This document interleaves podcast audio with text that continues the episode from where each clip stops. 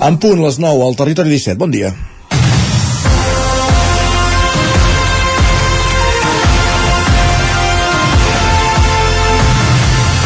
En pocs dies de diferència hem sabut d'un ramader de Mollà que es declara insumís davant l'administració i de la campanya Foc als papers promoguda pel col·lectiu Ramaderes de Catalunya que plega una setantena de dones de pagès del Principat. La seva croada és contra la duplicitat burocràtica a la que el sotmet l'administració. És obvi que tothom, quan vol emprendre, ha de seguir tot un seguit de tramitació administrativa que és farragosa i les promotores d'aquest document en són plenament conscients. Són les primeres que volen fer les coses bé. El que no s'entén i no s'admet és que aquesta tramitació burocràtica comporti la renúncia al projecte, com ha passat en alguns casos. El document Foc als papers té, abans que res, una funció didàctica. S'hi detallen fil per randa tots les, totes les tramitacions i permisos que s'han de demanar per iniciar una activitat ramadera i alimentària. Vol servir de guia, però alhora també de denúncia del sense sentit, el que a vegades el sotmet l'administració. Eines digitals que no són operatives, haver de repetir el mateix document per presentar-lo a dos llocs diferents, allò de sentir-se sentir sospitós abans fins i tot de sortir de casa. I veure com en altres països, que depenen de la mateixa legislació europea, les coses es fan amb més sentit comú. Per què una petita formatgeria artesana de caràcter familiar s'ha de senyir el mateix reglament que una gran indústria? És un dels molts debats que es posen sobre la taula i que estaria bé que l'administració s'avingués a debatre i a posar-hi solucions. I està en joc la sobirania alimentària que tant es proclama. De tot plegat en parlarem avui al Territori 17 amb Núria Cabré, de Ramaderes de Catalunya. És dimecres 25 d'octubre de 2023, en el moment de començar el Territori 17, a la sintonia del 9 FM, Ràdio Cardedeu, Ona Codinenca, La Veu de Sant Joan, Ràdio Vic, i també ens podeu veure, com cada dia ja ho sabeu, a través de Twitch, YouTube, Televisió de Cardedeu, el 9 TV i la xarxa més. Territori 17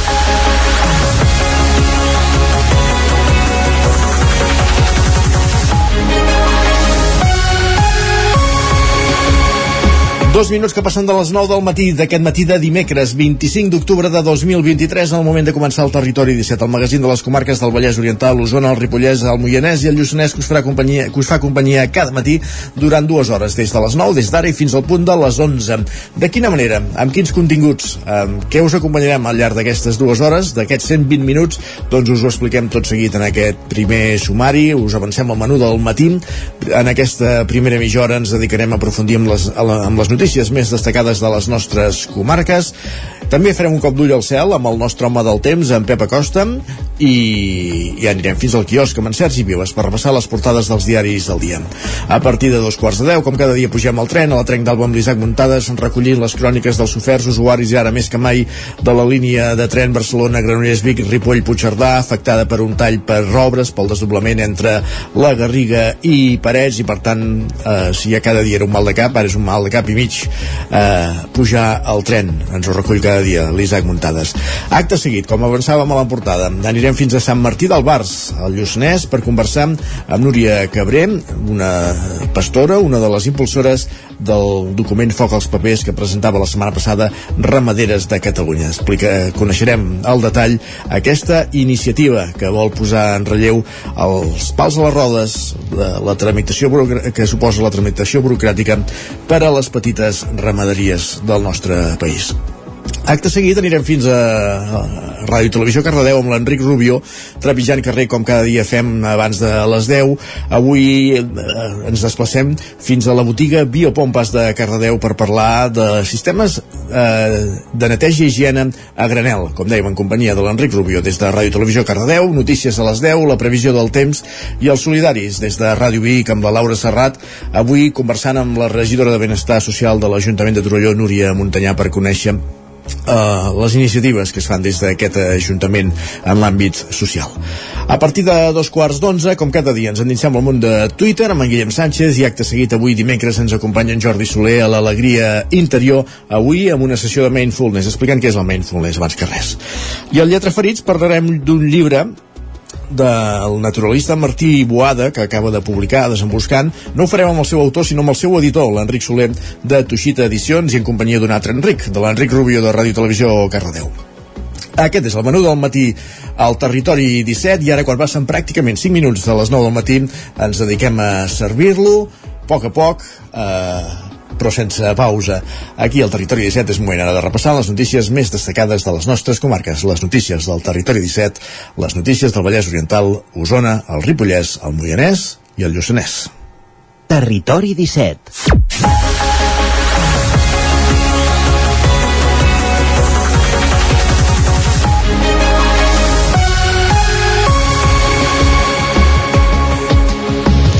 La jutgessa decreta llibertat amb càrrecs per l'home de Torelló de 51 anys, presumptament relacionat amb la mort violenta del seu pare Ramon Blanc al passat, la, finals de la setmana passada.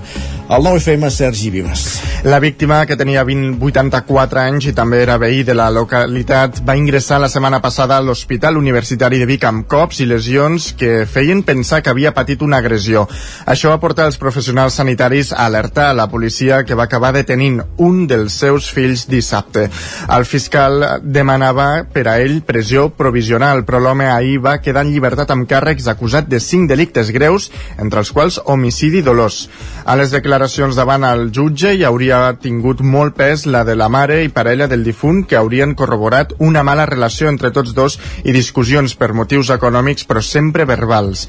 Qui va que hi va haver una, una baralla, per tant, estaria confirmat, però no la intenció d'arribar a un desenllaç fatal. Segons ha pogut saber el 9-9, la jutgessa també ha estimat que l'autòpsia no revela una clara relació entre les lesions que presentava Blanc i la seva defunció, ja que era una persona d'edat avançada amb, altes, amb altres patologies de base. El cas ha creat molta consternació a Torelló. Tot i que l'home estava jubilat, el seu dia va ser una de les cares de la xurreria A Ramos, un negoci de la Vall del Gès amb origen al 1940. Més qüestions. L'alcalde de Sant Feliu de Codines ret comptes dels dels 100 primers dies de govern i afirma que s'han complert un 60% de les accions que, van marcar que es van marcar a l'inici del mandat. Roger Rams, zona codinenca. Exactament, de les 100 accions que el govern municipal de Sant Feliu de Codines es va marcar pels 100 primers dies de govern, la meitat han estat completades, 32 estan encara en curs i 9 no s'han iniciat. L'alcalde Pol Cabotí ha fet aquest dimarts un balanç públic dels objectius i projectes que han acomplert en aquests primers compassos del mandat i que han quantificat en un 60% de les accions assolides i un 90% iniciades. Cabotí ho ha fet en una videoconferència, com dèiem ahir al vespre, en què el dia en què es compleixen 100 dies de la presentació de les 100 accions de govern i 120 des de la Constitució del govern municipal. Escoltem l'alcalde Pol Cabotí. Creiem que els resultats d'entrada són bons. Són bons i hem de seguir treballant per completar-los i també posem molt en valor que totes les accions que vam plantejar quan no feien ni tan sols dues setmanes que estàvem a govern, quan vam dibuixar aquest pla, totes segueixen dins del nostre pla d'actuació. I això eh, n'estem contents Cabotí ha confessat que han après que algunes accions de les que han quedat pendents requereixen de més planificació, més maduració i també més tràmits. I ha posat d'exemple l'ordenança de civisme que faran amb assessorament extern al pla del centre o algunes accions relacionades sobretot amb la mobilitat i l'àrea d'entorn és una àrea molt de projectes, de projectes urbanístics, de projectes eh, en espais públics. Aquí hem xocat una mica amb, amb la realitat, amb els terminis que suposa desenvolupar projectes i veureu que hi ha algunes coses que ens hagués agradat poder-les eh, executar amb més celeritat i que, i que les tenim encallades perquè requereixen uns passos administratius i tècnics amb, amb, amb què ens obliga a treballar una mica més. Cabotí ha afegit que a banda de les 100 accions que van plantejar han hagut d'afrontar de no previstes, com ara les onades de calor durant l'estiu o la crisi de l'aigua. I és que es marquen del repte de planificar accions a més llarg termini. A diferència de la presentació de les 100 accions pels 100 primers dies de govern que es va fer el juliol, aquest acte s'ha fet sense públic i amb la sola presència de l'alcalde. Cabotí ha explicat que s'ha optat per fer la presentació de manera telemàtica per tal que en quedi un document recuperable que alhora permet ensenyar les entranyes de com treballa el govern. Gràcies, Roger. Més qüestions. La Mancomunitat La Plana treballa en el primer pla d'actuació dels seus 40 anys d'història. Per acabar de dissenyar-lo, dijous, una seixantena de representants dels pobles que formen l'ENS van participar en una sessió de treball per acabar de perfilar el seu redactat, Sergi.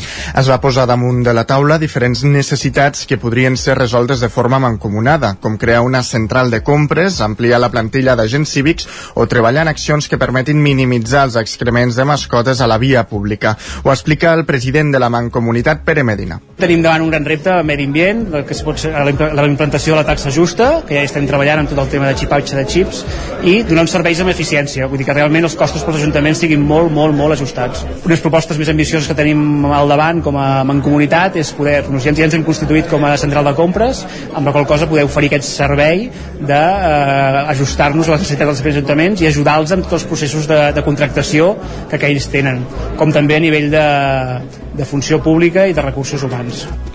El redactat es podrà consultar en una nova plataforma web i veurà de quatre grans eixos.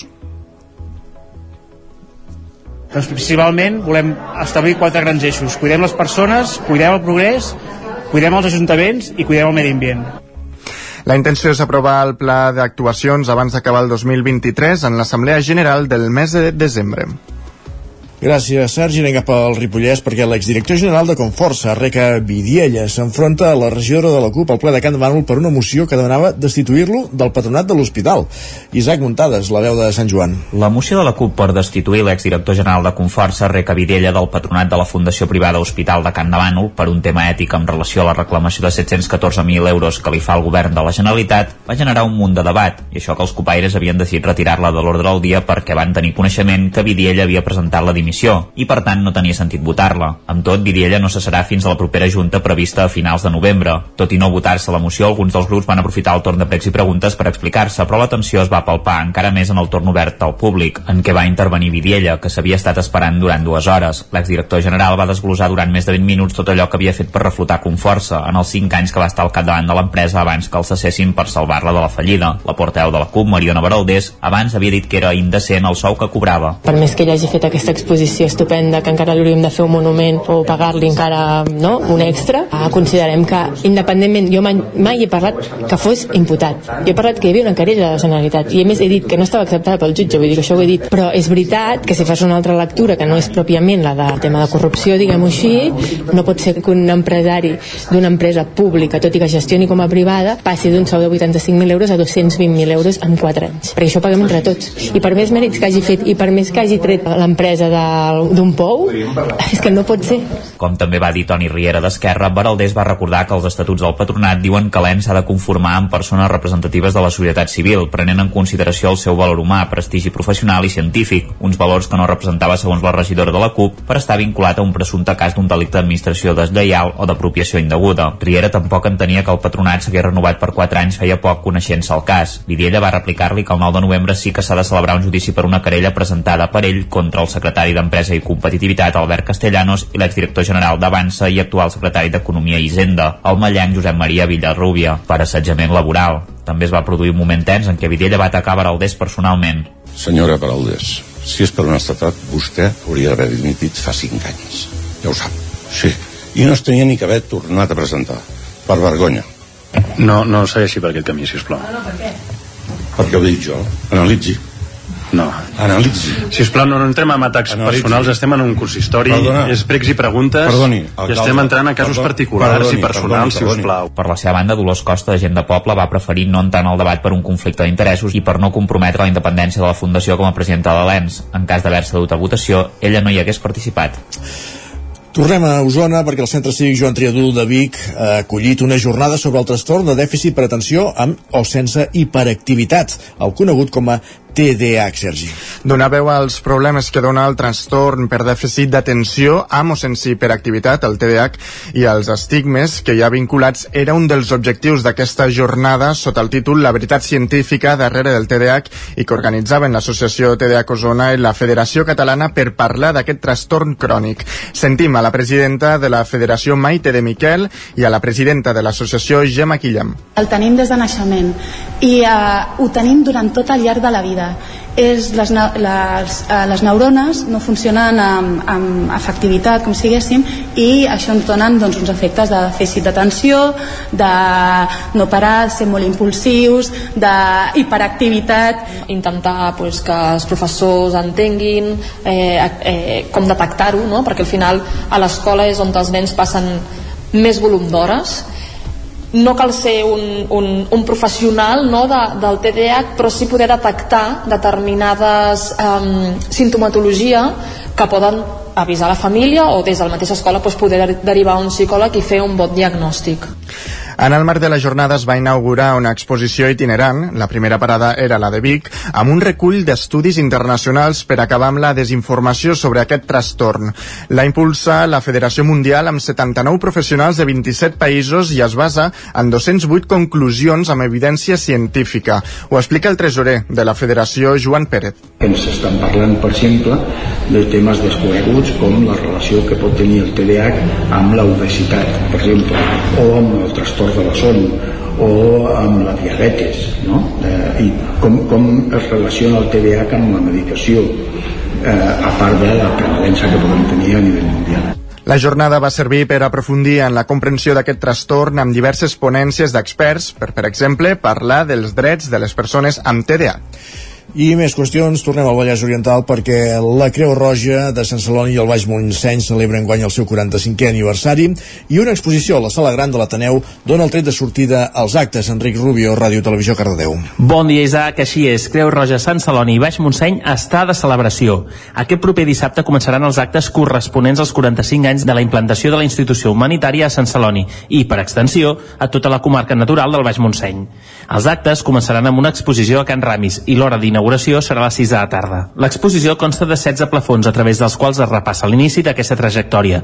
El lloc de socors, l'accident d'autocar a la carretera de Campins, xoc de trens a Sant Celoni, regulació del transport sanitari a la inauguració del monòlit, la inauguració del carrer de Creu Roja i tot un fil conductor que ens porta fins a dia d'avui. A més a més, 7 plafons més faran referència als principis de la Creu Roja, el fundador Henry Dunan, Diari de Barcelona, Creu Roja Catalunya i Creu Roja al món. Serà divendres 3 de novembre a les 6 de la tarda que la sala gran del Teatre Taneu de Sant Celoni acollirà l'acte central on s'espera la presència del president de Creu Roja Catalunya i vicepresident tercer de Creu Roja Espanyola, Josep Quitet, així com els responsables de Creu Roja de Sant Celoni i Baix Montseny, amb el seu president, Jordi Garcia, que recentment ha estat nomenat membre del comitè provincial. Els alcaldes del Baix Montseny i també els socis i socis de la institució, els que s'homenatjarà juntament amb els voluntaris i voluntàries.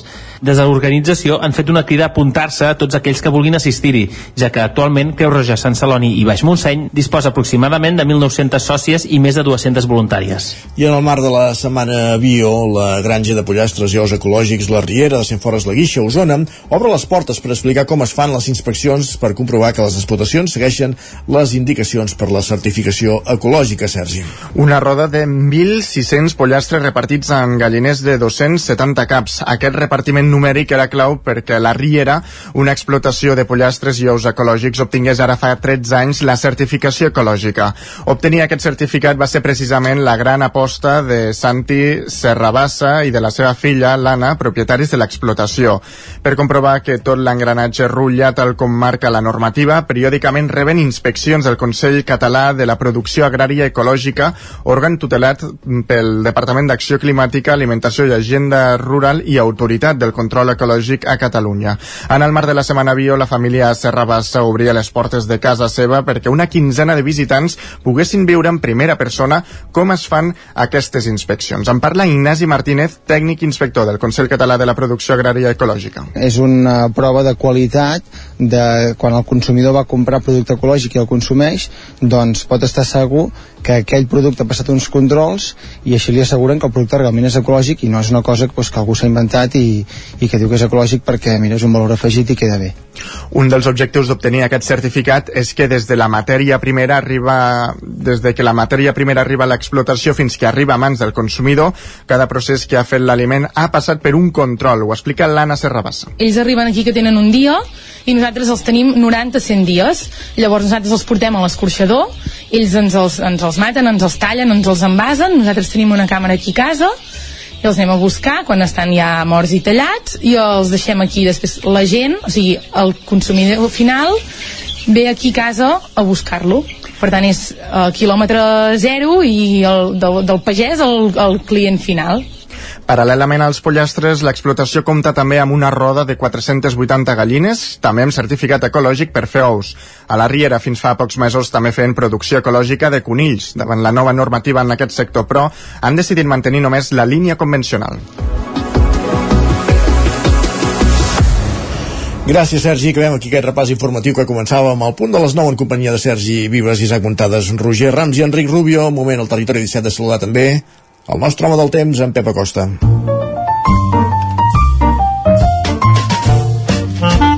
Casa Terradellos us ofereix el temps. Ona Codinenca, Pep Acosta, bon dia. Hola, molt bon dia. Com estàs? Benvinguts a l'Espai del Temps. Benvinguts, benvinguts. Avui ja uh, eh, últim dimecres del mes d'octubre. Anem acabant el mes, sí, sí. anem acabant l'any, uh, va avançar la tardor, no vivim a les pluges, no arriba tampoc massa fred, tot i que aquesta nit sí que han baixat les temperatures, fins i tot alguna petita glaçada a parts més altes de, del Pirineu, però bueno, en definitiva, poca, poca, poca tardor. No, no es veu aquesta puja tan necessària uh, per enlloc, aquesta, com ho diria, és que no sé com dir-ho, aquest, aquesta llevantada que ens hauria de portar pluges intenses i extenses, de moment no es veu per enlloc. Està previst que, que aquest mes d'octubre acabi ja gairebé sense cap gota a les nostres poblacions. Uh, aquesta uh, sis dies que queden és molt difícil que plogui a cap lloc de les nostres uh, comarques. I és que avui avui no plourà. Uh, ens llevem unes temperatures una mica fredes, com he dit abans, o una petita glaçada cap a les zones més altes del Pirineu, moltes temperatures entre els 5 i els 10 graus, i alguna temperatura per sobre els 10 graus a la zona prelitoral. Però bueno, no gaire fred. Hi ha alguns núvols, eh, ens està passant un, un, un front molt poc actiu, una mica de vent, cap al migdia eh, molt més sol i les temperatures una mica més altes que les d'ahir. Al migdia estarà força, força bé, eh? al migdia s'estarà eh, un ambient força agradable. De cara a la tarda vespre, eh, s'ennuvolarà una mica, eh, més aviat ja gairebé la nit, s'ennuvola una mica perquè ens afecta un altre front atlàntic, un altre front atlàntic de molt poques conseqüències, arriben aquí molt, molt desfets, uh, és que um, no, no no hi ha manera, no hi ha manera que, arribi, que ens escombri un front atlàntic potent i que descarregui pluges importants a casa nostra. Deixen tota la pluja cap a l'oest de la península ibèrica i aquí eh, no ens arriben ni les corrialles gairebé, eh? aquí no, no, no, no ens afecten gairebé gens aquests fronts atlàntics. Però com deia, la tarda s'ennuvolarà una mica més, però sense precipitacions. Eh, aquesta nit, la nit de dimecres a dijous, eh, serà bastant ennuvolada, però tampoc tampoc n'hi haurà gairebé cap precipitació. Si és que cap algú serà quatre gotes a la zona del Ripollès, però molt difícilment arribaran a caure. I això és tot. Continuem amb aquesta dinàmica, amb aquesta poca tardor. Veurem, veurem si el novembre ens porta algun canvi més interessant. Moltes gràcies i molt bon dia. Adeu. Gràcies a tu, Pep. Parlem d'aquí una estoneta. Casa Tarradellas us ha ofert aquest espai. I ara, 7 minuts per dos quarts de 10, el que fem és anar cap al quiosc.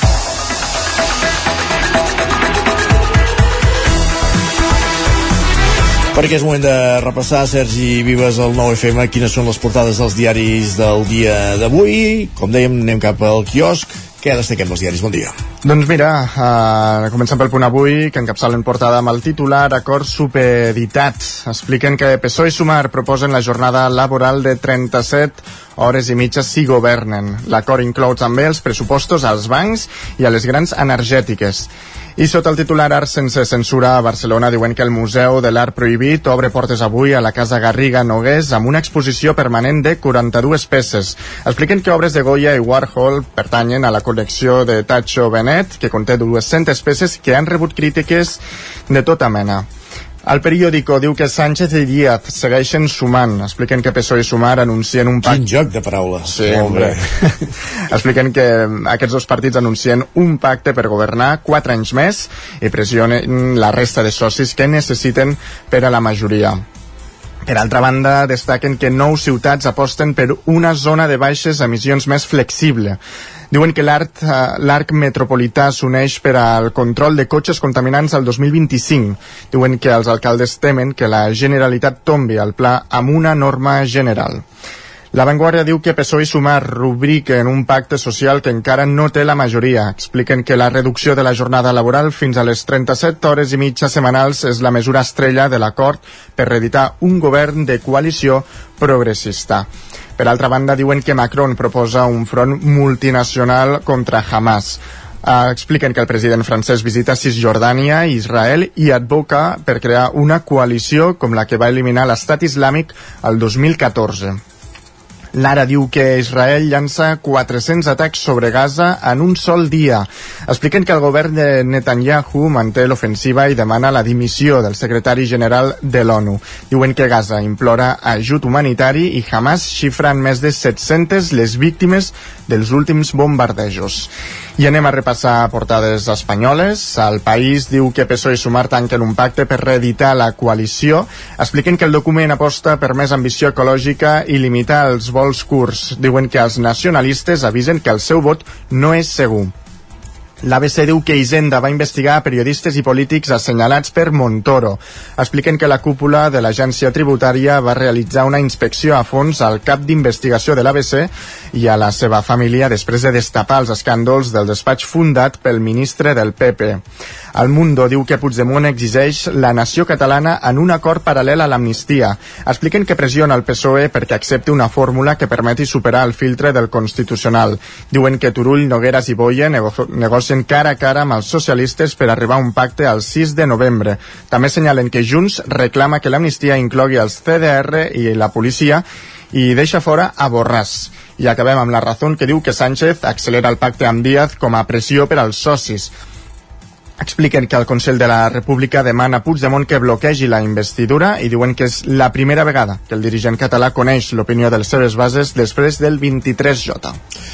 Ràpidament, repassem digitals, l'edició d'Osona i el Ripollès al 99.cat. Doncs com us explicàvem, ha quedat, ha quedat en llibertat amb càrrecs l'acusat de la mort violenta del seu pare a Torelló. I a l'edició del Vallès Oriental? Doncs que Renfe recuperarà diumenge 29 la circulació dels trens entre Mollets, Santa Rosa i Parets. Pausa i tornem. El nou FM, la ràdio de casa, al 92.8. El cor del Montseny torna a fer olor de castanyes. El 28 i 29 d'octubre arriba la 28a Fira de la Castanya de Viladrau.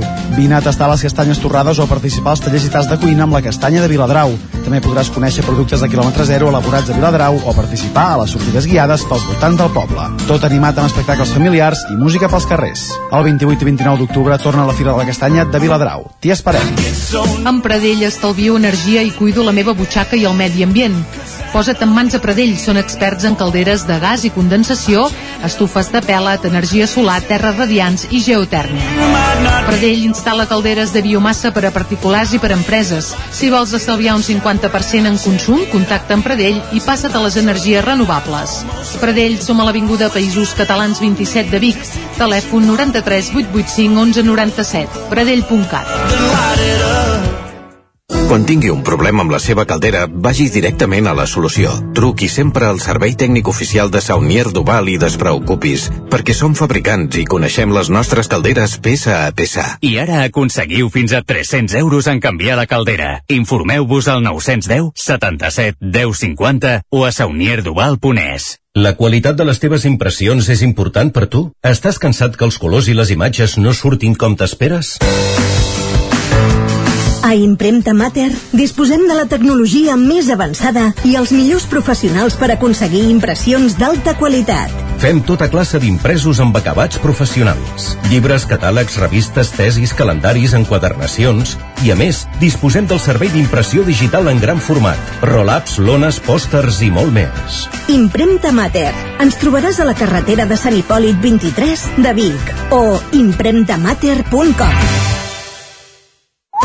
Per moure't, lloga un cotxe ALR. Per moure la família, lloga un minibús ALR. Per moure coses, lloga una furgoneta ALR. Per moure la casa, lloga un camió ALR. Lloguer de cotxes, furgonetes i camions ALR. Ens trobaràs al carrer Francesc Sant Climent 83 de Vic i també a Olot i Manresa. Informa't al 93 888 60 57 o bé consulta el web alr.cat. L'infopodcast del 99 amb Sílvia Pedret. Cada dia et donem les claus de les notícies més rellevants de casa nostra. Vivim en una comarca que s'està demostrant pionera en transició. Desperta't cada dia amb l'infopodcast del 9-9. Aquesta setmana tornen a ser notícia els pantans perquè han baixat... El trobaràs a dos quarts de vuit del matí al 99.cat, Spotify, iVox i, si ho vols, te l'enviem directament al mòbil. Subscriu-te als canals de WhatsApp i Telegram del 99. Soc Sílvia Pedret. Comencem. Territori 17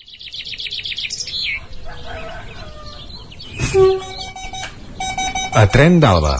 Cada dia els usuaris i usuàries de la línia R3 de Rodalies que veuen sortir el sol des d'un vagó ens expliquen les gràcies i les penes del primer comboi que uneix Ripoll i Barcelona o les feixugues jornades amb el tren després de treballar.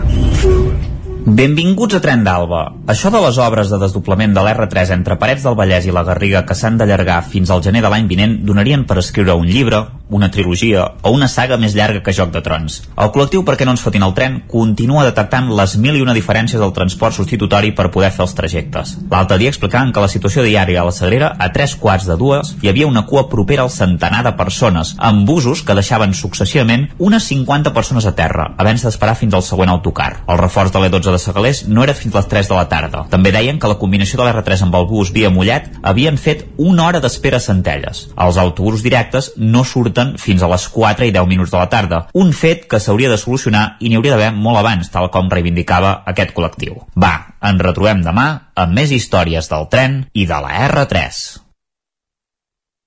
Gràcies, Isaac. Ara mateix passa un minut i mig de dos quarts del matí i anem cap a l'entrevista.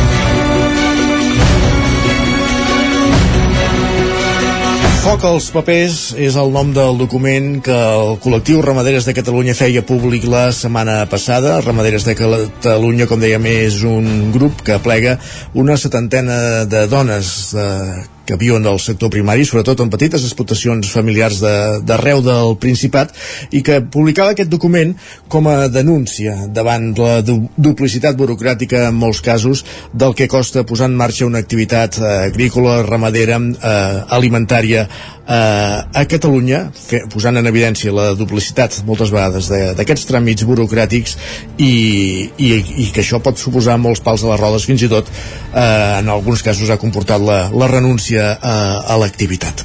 Per parlar de tota aquesta problemàtica, per parlar de la, la situació del sector, per parlar una mica d'on surt aquest document ens acompanya avui la Núria Cabré, que és una de les portaveus de Ramaderes de Catalunya.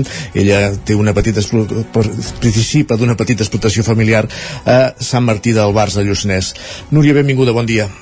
Hola, bon dia. Com dèiem, la setmana passada fèieu aquest públic, eh, fèieu públic aquest document, foc als papers, amb quina intenció, amb quina finalitat? La finalitat és poder parlar amb l'administració, que de fet ja, ja ho hem fet en un parell d'ocasions, però perquè en lloc de, de veure que realment es disminueix o que es fa alguna cosa, veiem que encara s'està augmentant més.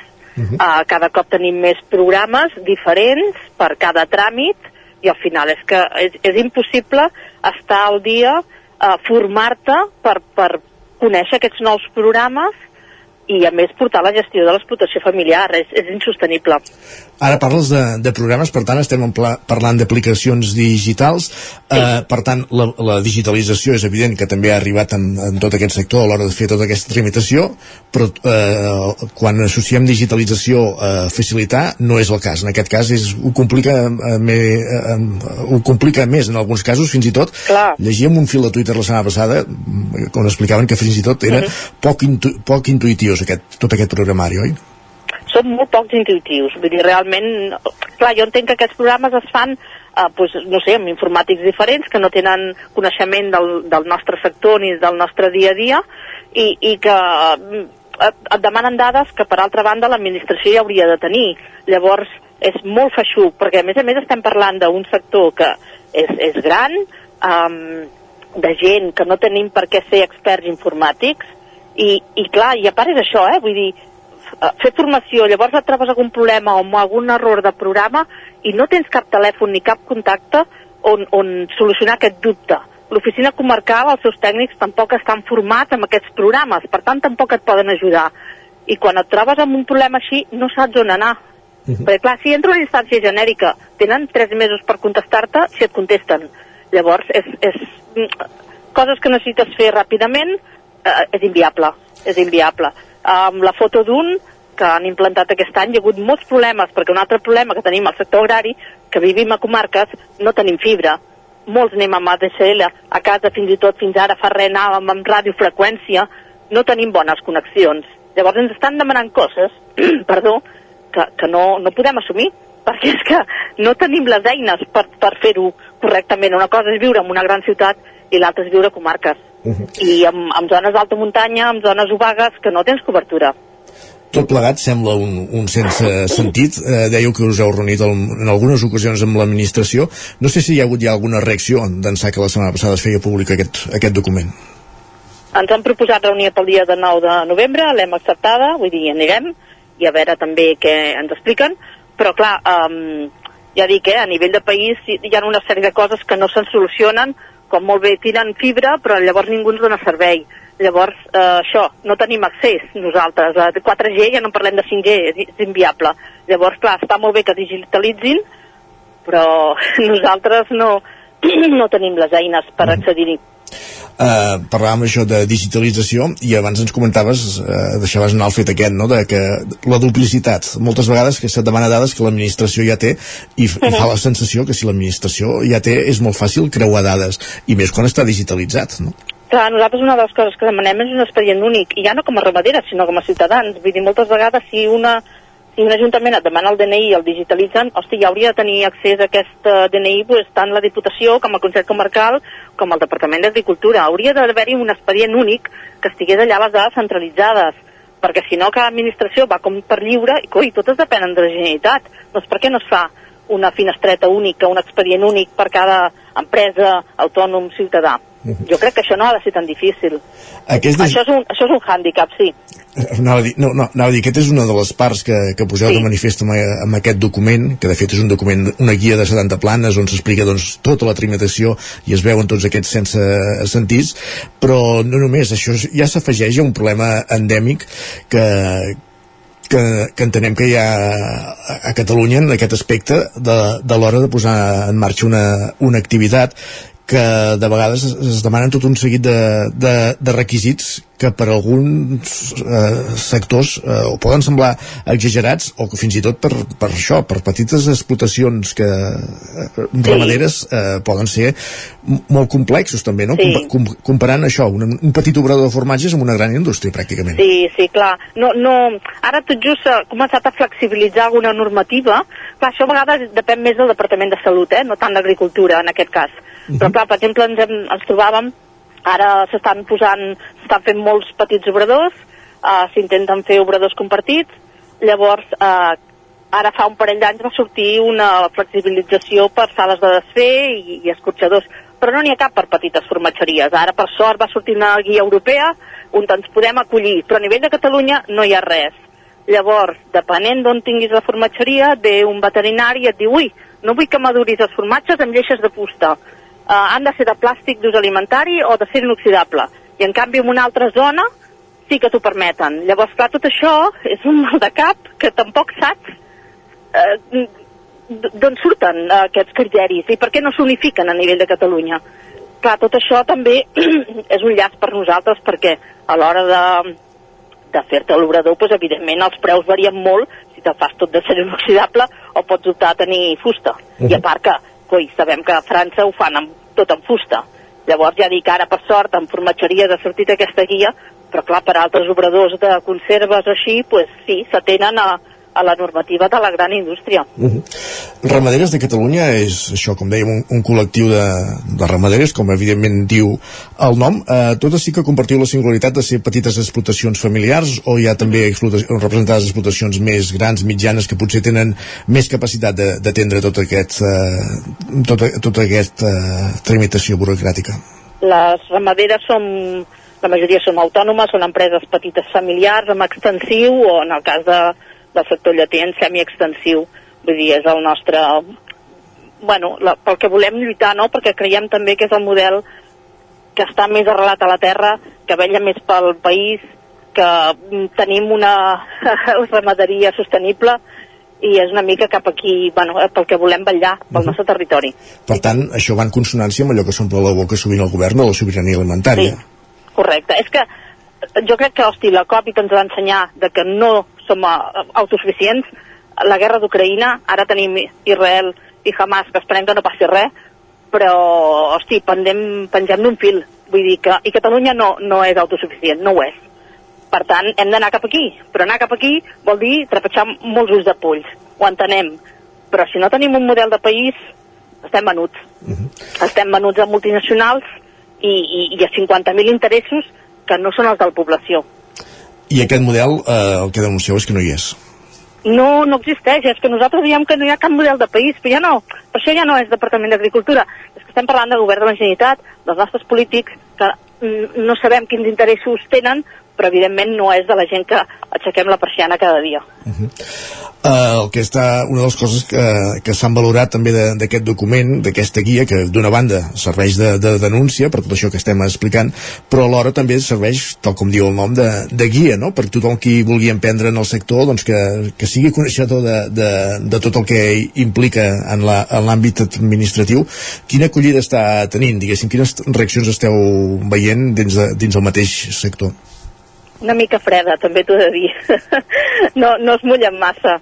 Um, bueno, uh, sí que hi ha alguns col·lectius que ens estan donant suport, uh, sí que hi ha hagut interès també per, per la premsa, però, bueno, en general potser una miqueta, un pèl freda, quan creiem que és interès comú. Uh -huh. perquè sí que és veritat que, que de queixes pels tràmits n'hem sentit sovint des del sector primari i ara ja no parlem no només de les petites explotacions fins i tot els, els, els, els sindicats o les organitzacions agràries sovint se n'omplen la boca o han fet accions però en aquest, en aquest cas no, no, no neu a l'una, diguéssim, o, no, o si més no, no, no s'ha traslladat, no traslladat, diguéssim, la, la solidaritat, no, suport.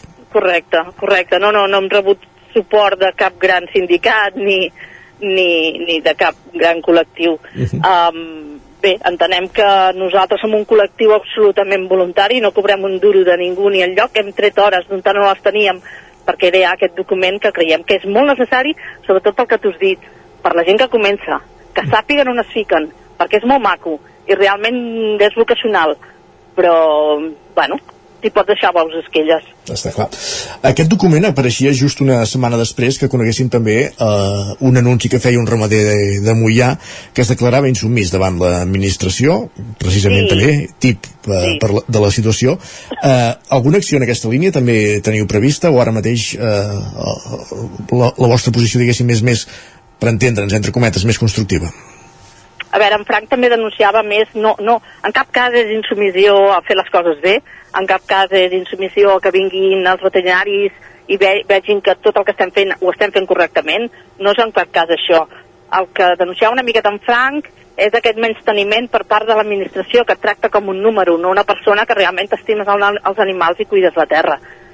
Nosaltres no anem cap aquí, volem, hem fet aquest document perquè l'administració reflexioni i, i volem encarrilar la situació, uh -huh. val? en Frank ha obert una porta, evidentment, però ja dic, eh, sempre ballant per la qualitat del producte. Mm, això ho tenim clar tots.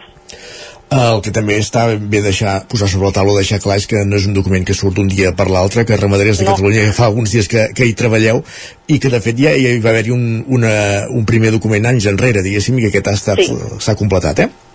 Sí, sí, sí, nosaltres vam fer un organigrama, el que passa que era molt esquemàtic el 19, i ara el que hem volgut fer és això, eh? Posar imports i sobretot que la gent sàpiga el que ens costa a nosaltres. Ja dic, rebem subvencions sí, però també són insuficients. Um, la, cada cop són més baixes, vull dir, cada cop ens en treuen i, i bé, nosaltres també creiem que, sobretot els que treballem en extensiu, que, hosti, vetllem pel territori, fem silvipastura, vetllem perquè hi hagin tallafocs, vull dir, tot això també s'hauria de valorar i no es fa. I a part, l'incivisme que hi ha amb la gent que ve a la muntanya, que deixa portes obertes, que deixa merda al territori, que Catalunya, els boscos, tenen propietat. No són públics. Per tant, l'únic que demanem és que també la gent que ve amb BTT a caminar, a fer curses, velli pel territori, perquè és una riquesa per tots. i que si hi ha una porta tancada per alguna cosa hi és, això està clar Sí, perquè els animals no s'escapin. per exemple Sí.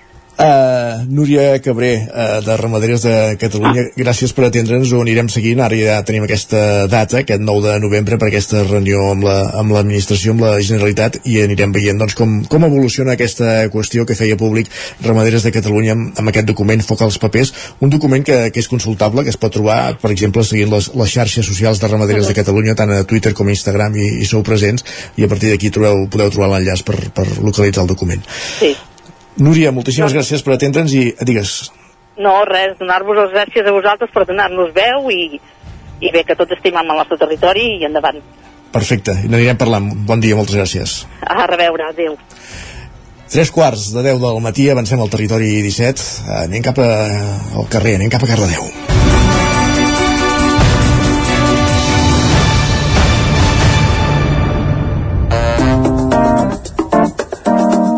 Territori 17.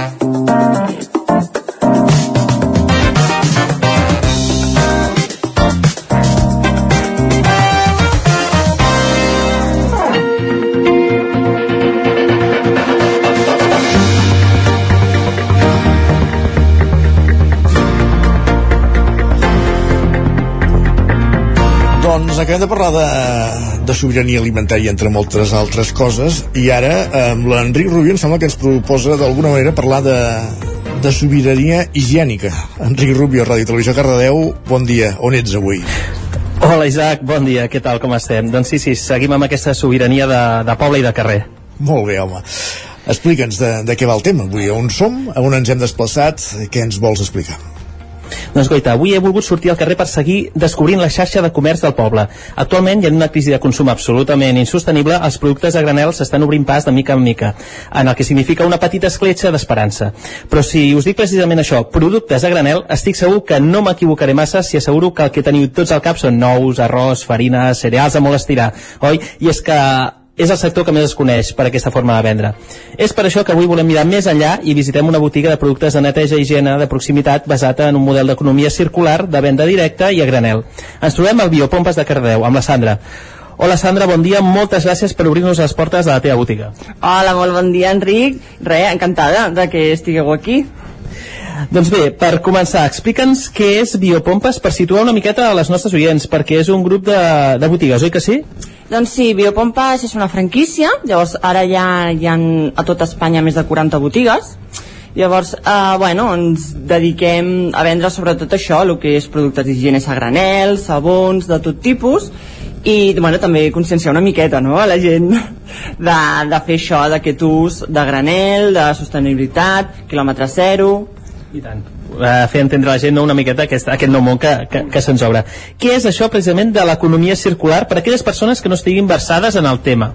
Bueno, sobretot, eh, bueno, en algunes filosofies li diuen les tres R's o les cinc R's. Al final és reutilitzar, reduir, tot el que sigui eh, residus, és una manera, bueno, de- com de tornar una miqueta enrere a les arrels, no?, i fer un ús més conscient de, del consum, un, conscient, un consum més sostenible, no?, i, i què és això?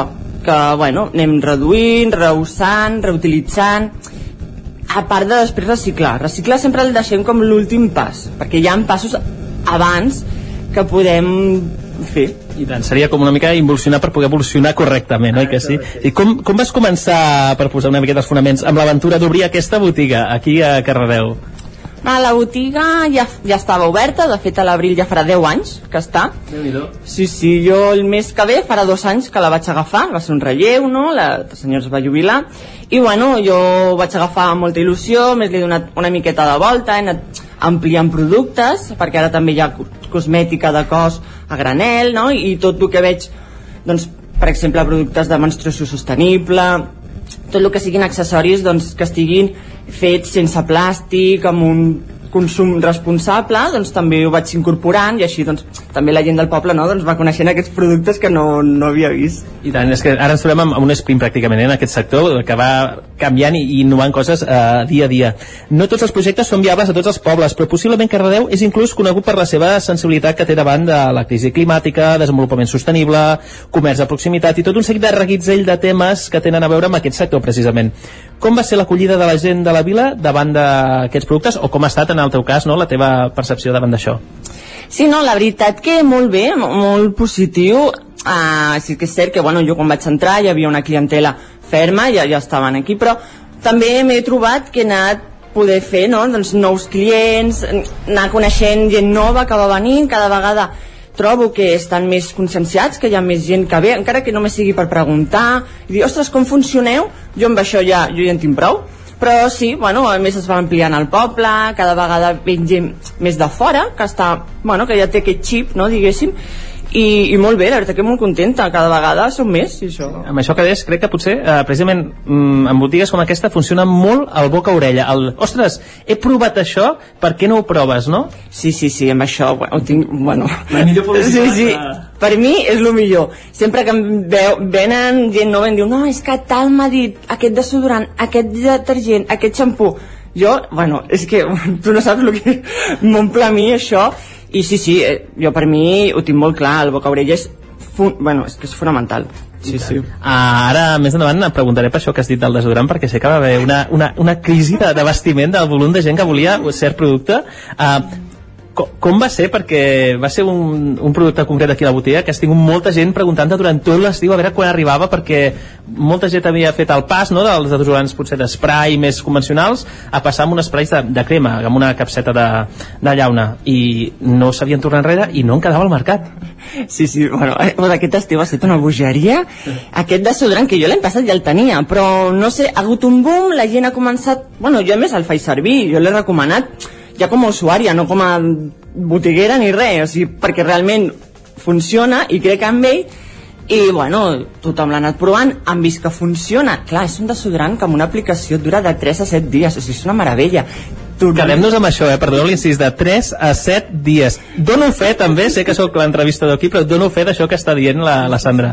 Sí, sí, jo, de fet, jo a més és que els dic perquè és que és la veritat. Jo a l'estiu cada 5 dies i a l'hivern cada 7 dies me l'he de ficar. O sigui, clar, després venia gent que, clar, es va esgotar, bueno, tres, quasi quatre mesos sense ell, gent que venia desesperada de, jo què faig? O sigui, ara he de tornar a ficar-me un desodorant cada dia, uf, quin pal Bueno, hem anat substituint, bueno, sí, sí, sí. com hem pogut, però, però bé, bé, sí, sí. És... I amb, un, amb un producte com aquest potser la gent està pensant, ostres, set dies sense dutxar-me. No, no és el cas perquè, de fet, amb el desodorant aplicat et pot rentar perfectament eh, i segueix eh, eh, funcionant i tenint els seus efectes, oi que sí? Sí, sí, sí, és que encara que et dutxis, que facis esport, no passa res perquè no et tapona els poros, o sigui que és segur també per la salut, no porta colorants, no porta perfums, està fet aquí a Barcelona, no, ja és una marca d'aquí catalana, és super segur pel planeta i per la salut i és això, eh, no tapona actua contra les bactèries de la mala olor llavors és perfecte, de veritat, jo, bueno... Molt natural, realment, sí, sí. Uh, seguim uh, una miqueta amb el tema dels productes. Quin és el producte estrella amb el que la gent s'atreveix a començar a comprar neteja, higiene a granel i, i quin és el que potser només compren aquelles persones que ja fa molts anys que utilitzen aquests productes i que llavors potser és un dels, dels que més costa introduir, no?, dins de la vida familiar de, de cada casa? Mm. A el producte estrella més tothom que comença a fer el canvi és amb els sabons de rentadora o sigui, la, de la rentadora tenen molt clar. També plats, rentadora i plats són els productes que tothom comença amb això. Després ja quan van veient que funciona, que els agrada ja van, bueno, van introduint més van ja pel desengreixant, pel del lavabo també en demanen. Llavors després tenim el que és la higiene personal que aquests sí que hi ha gent que potser només m'agafa aquell xampú i aquella mascareta però perquè saben que aquell xampú sí, sí. i aquella mascareta són el xampú i la mascareta si és que no hi ha més perquè bueno, jo els he provat tots els del mercat i bueno, la veritat que funciona molt bé, que. És a dir, la gent diu, bueno, jo que comenci la màquina i si la màquina li funciona ja passaré a mi, no? Comencem per neteja i després potser entrem dins, dins, dins de l'higiene. Sí. Entenc que eh, en un espai com aquest, eh, això que ens comentaves al principi també, eh, hi ha tanta feina de venda com de pedagogia per explicar i conscienciar la gent eh, de la necessitat de, de començar a consumir de forma responsable i precisament una de les formes potser, al meu parer, eh, més responsable seria eh, consumir a granel perquè consumir granel vol dir generar molts menys plàstics, molts menys envasos, eh, reutilitzar perquè tu pots venir amb el teu tàper o el teu envàs de sigui plàstic o vidre, el que tu tinguis a casa, no cal que sigui un producte de fusta, eh, cookie que diem perquè sigui eh, una cosa eh, reutilitzable. Sí, sí, no, sí, jo de fet contra més cutre sigui el pot, millor, o sigui que és de un sabó de fa 10 anys estupendo, si és que jo prefereixo això que em vinguis amb l'últim pot que ha sortit de plàstic, no, no cal.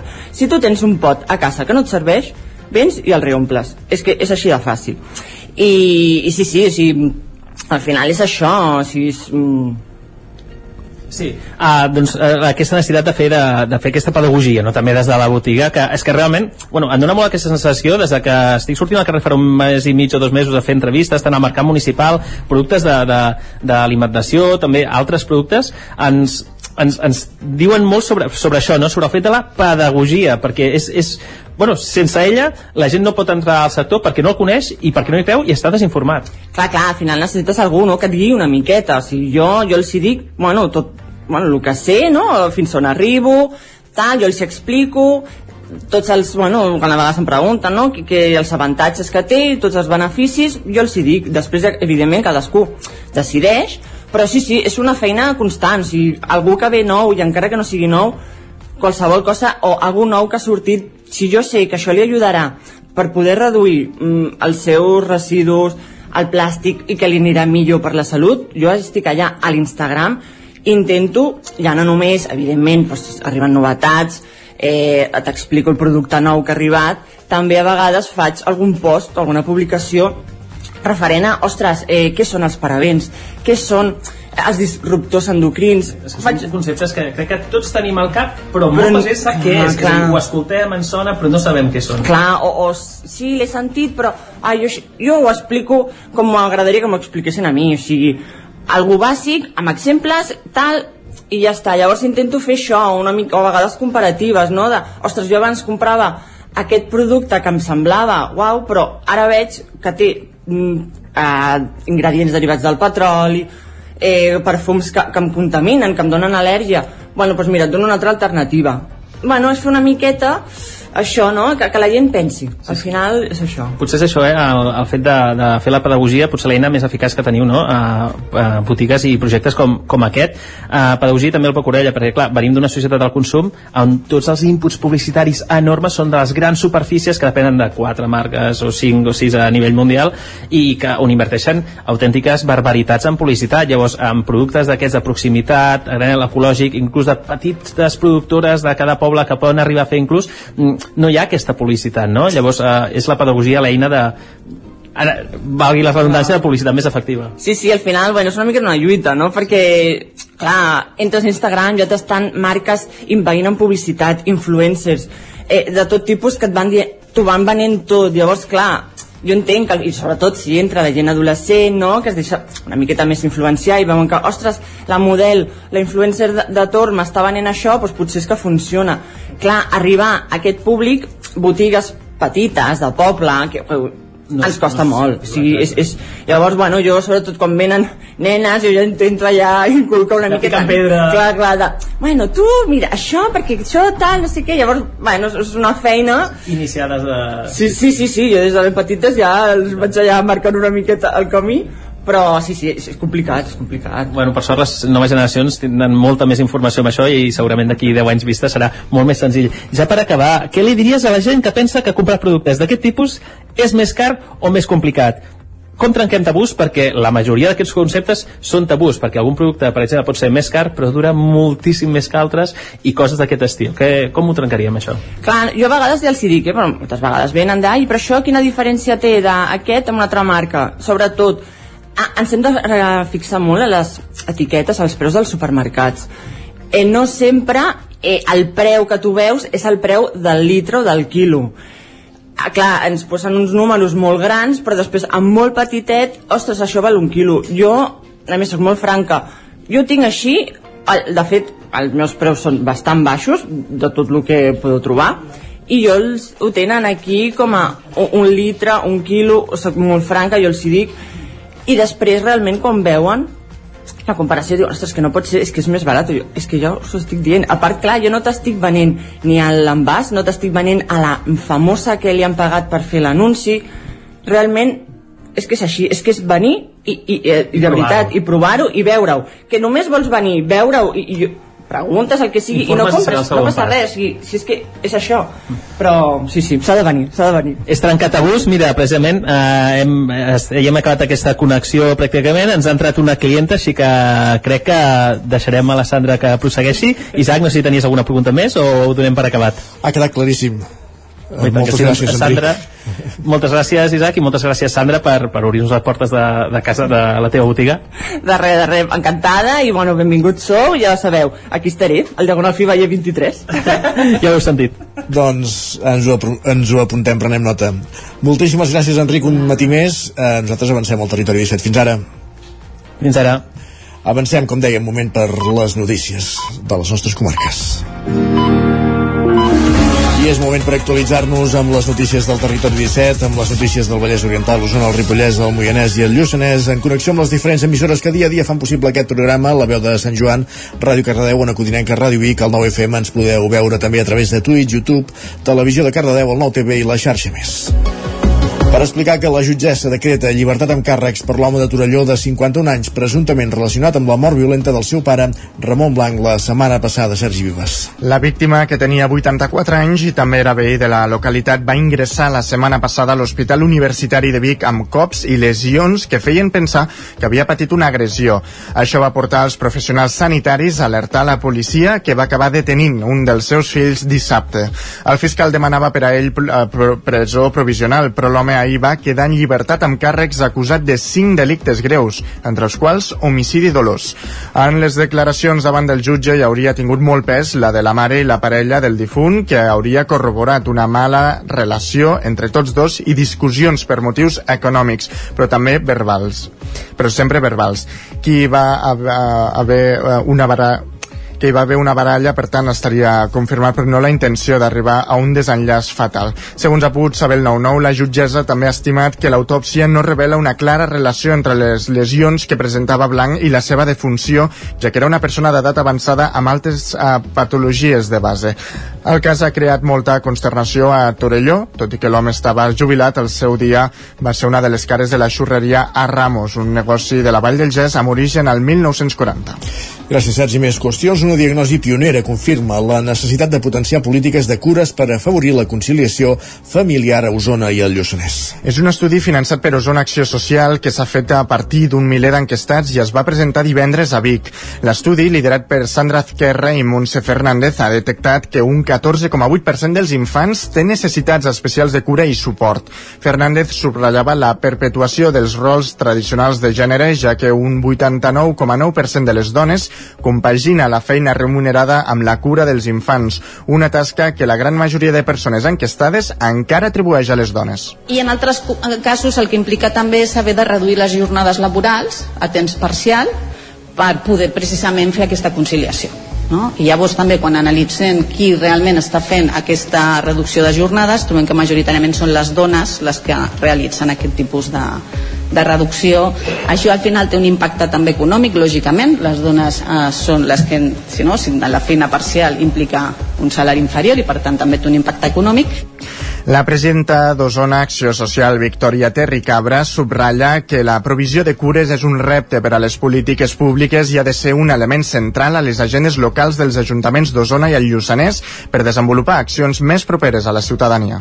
Les persones requereixen cures al llarg de la vida i de forma més intensa en determinades etapes de, de, del seu cicle vital i la provisió de cures per nosaltres és un repte per fer polítiques públiques i ha de ser un element central a les agendes locals tant dels nostres ajuntaments com de les nostres comarques tant la comarca d'Osona com la comarca del Lluçanès L'any passat, Osona Acció Social va posar en marxa el Canguratge, un nou servei per facilitar la conciliació laboral, familiar i personal i donar un temps de respir a les famílies.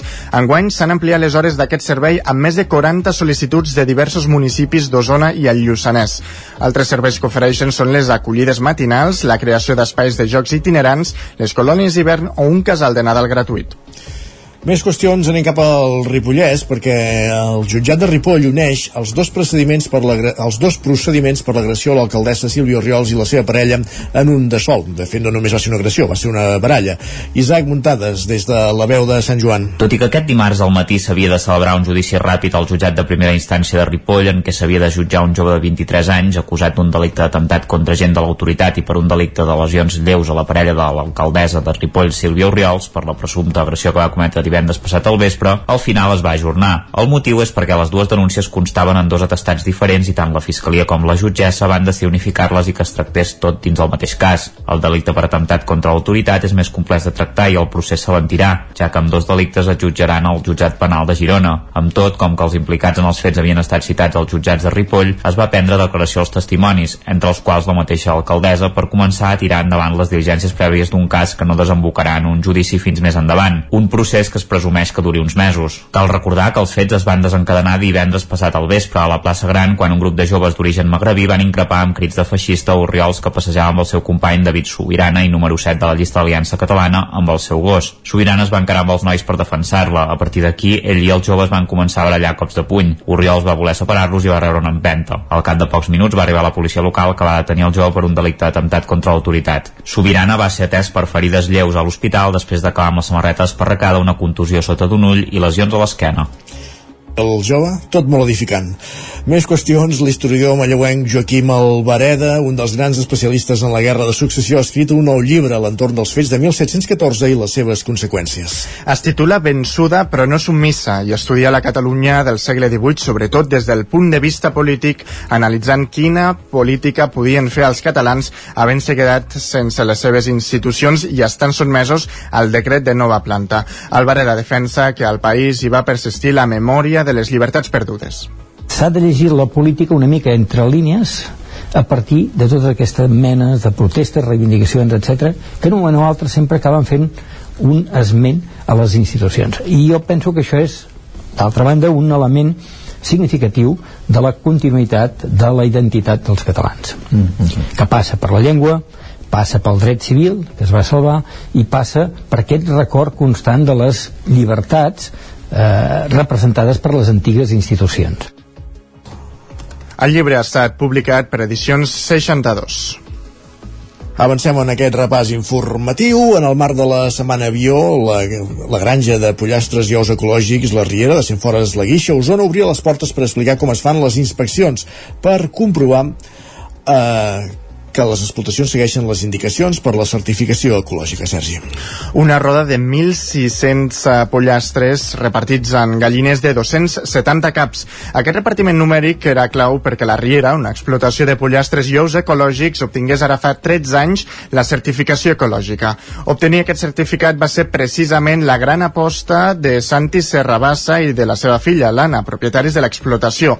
Per comprovar que tot l'engranatge rutlla tal com marca la normativa periòdica periòdicament reben inspeccions del Consell Català de la Producció Agrària Ecològica, òrgan tutelat pel Departament d'Acció Climàtica, Alimentació i Agenda Rural i Autoritat del Control Ecològic a Catalunya. En el marc de la Setmana Bio, la família Serrabassa obria les portes de casa seva perquè una quinzena de visitants poguessin viure en primera persona com es fan aquestes inspeccions. En parla Ignasi Martínez, tècnic inspector del Consell Català de la Producció Agrària Ecològica. És una prova de qualitat de quan el consumidor va comprar producte ecològic i el consumeix, doncs pot estar segur que aquell producte ha passat uns controls i així li asseguren que el producte realment és ecològic i no és una cosa pues, que algú s'ha inventat i, i que diu que és ecològic perquè mira, és un valor afegit i queda bé. Un dels objectius d'obtenir aquest certificat és que des que la matèria primera arriba a l'explotació fins que arriba a mans del consumidor, cada procés que ha fet l'aliment ha passat per un control. Ho explica l'Anna Serrabassa. Ells arriben aquí que tenen un dia i nosaltres els tenim 90-100 dies. Llavors nosaltres els portem a l'escorxador, ells ens els, ens els maten, ens els tallen, ens els envasen, nosaltres tenim una càmera aquí a casa i els anem a buscar quan estan ja morts i tallats. I els deixem aquí després la gent, o sigui, el consumidor final ve aquí a casa a buscar-lo. Per tant és a quilòmetre zero i el, del, del pagès al, al client final Paral·lelament als pollastres, l'explotació compta també amb una roda de 480 gallines, també amb certificat ecològic per fer ous. A la Riera, fins fa pocs mesos, també feien producció ecològica de conills. Davant la nova normativa en aquest sector, però, han decidit mantenir només la línia convencional. I alerta el que us expliquem ara perquè torna alerta a la celebració del Casta Win a Sant Antoni de Vilimajor, al Vallès Oriental, per commemorar i combinar la festa del Halloween amb la de la Castanyada. Enric Rubio, Ràdio i Televisió Cardedeu. Així és, Isaac. Torna a arribar aquest híbrid entre tradició autòctona i tradició importada. Aquest any la festa es divideix en dos dies i arriba carregada de propostes on no faltaran el tradicional truc o tracte, el passatge del terror a càrrec de les famílies de sisè de primària i tallers pels més petits i castanyes. La festa agrupa gran part del poble i és que és organitzada per la Regidoria de Cultura i Festes amb la col·laboració de la Regidoria d'Economia Local, però alhora compta també amb la participació de l'AFA de l'Escola Joan Casas, dels comerços i establiments del municipi i de l'Associació d'Amics de Sant Antoni de Vilamajor. La programació dels actes està pensada perquè vilatanes de totes les edats i preferències gaudeixin dels dos dies d'activitats programades. Divendres 27 al Vilawin s'hi podrà trobar el patronat al passatge de terror organitzat per les famílies de sisè de l'escola Joan Casas, mentre que al Porxo de Can Sauleda s'hi farà un taller de màscares. I dimarts 31 d'octubre, a més a més dels diversos tallers de pintades de cares a càrrec de l'Espiga Repàs, a la plaça de la Vila, l'Associació d'Amics de Sant Antoni de Vilamajor instal·larà la tradicional parada de castanyes. I un últim punt esportiu, Roger Ram, zona codinenca, perquè el jove pilot d'enduro Alejandro Ceballos, de 22 anys i veí de Vigues i Riells del Fai, s'ha proclamat subcampió del món d'enduro en la categoria 4T. Com dèiem, Roger Ram, zona codinenca. Exacte, Isaac. Enguany el Mundial d'Enduro ha comptat amb un total de 9 proves disputades en diversos països europeus, en les quals Ceballos ha aconseguit sumar fins a 13 podis.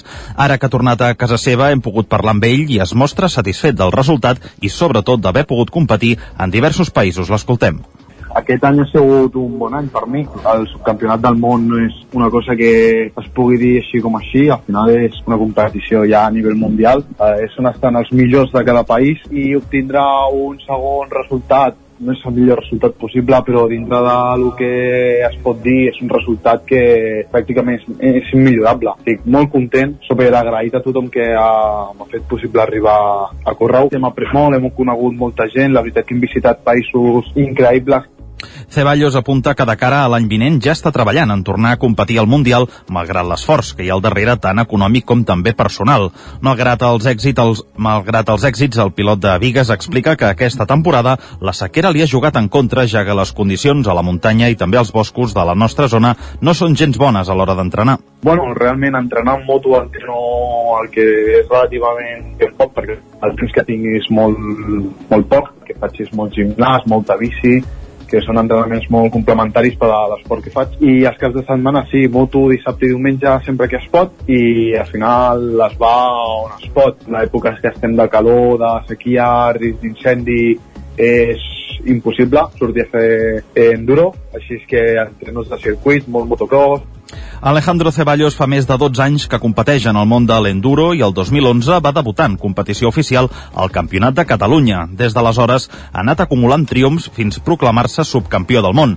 Entre el seu palmarès hi trobem, a banda del subcampionat mundial, fins a 6 campionats de Catalunya i dos campionats d'Espanya als anys 2017 i 2019. Gràcies, Roger. Acabem aquí aquest repàs informatiu que començàvem al punt de les 10 en companyia de Roger Rams, Enric Rubio, Isaac Muntades i Sergi Vives. Moment ara de saludar també l'home del temps, en Pep Acosta.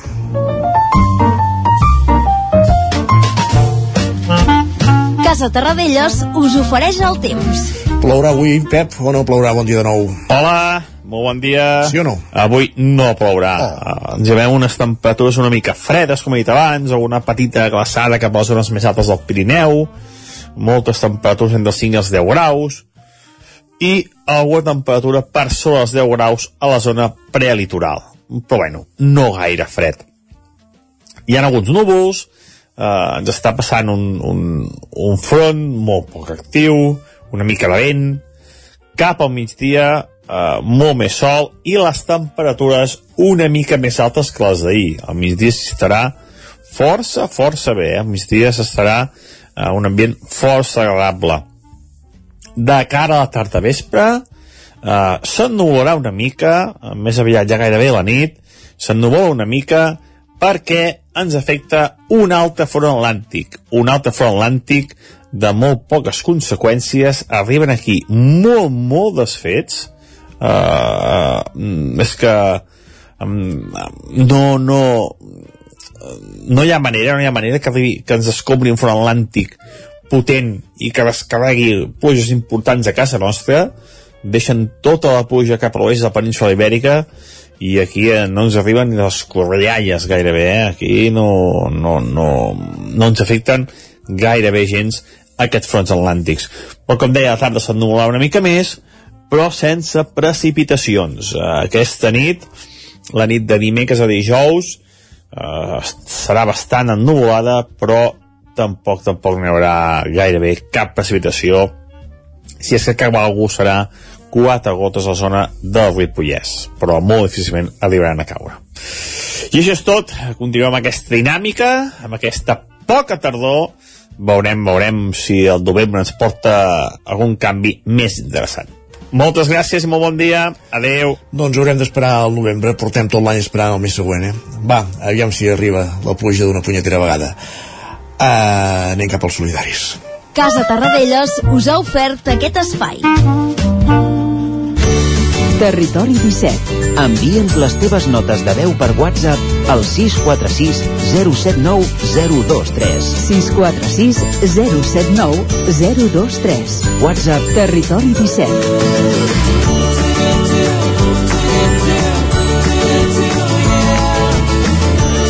Territori 17. Som a Facebook, Twitter i Instagram amb l'usuari Territori 17.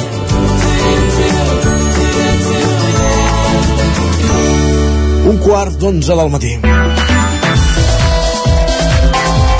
I al territori 17, com cada dimecres a aquesta hora és moment d'anar cap a Ràdio Vic. La Laura Serrat ens acosta una setmana més als Solidaris i avui per conèixer les iniciatives de l'Ajuntament de Torelló en, eh, en matèria de benestar social. Per això la Laura Serrat el que fa és conversar amb la regidora de Benestar Social i Igualtat, Núria Montanyà.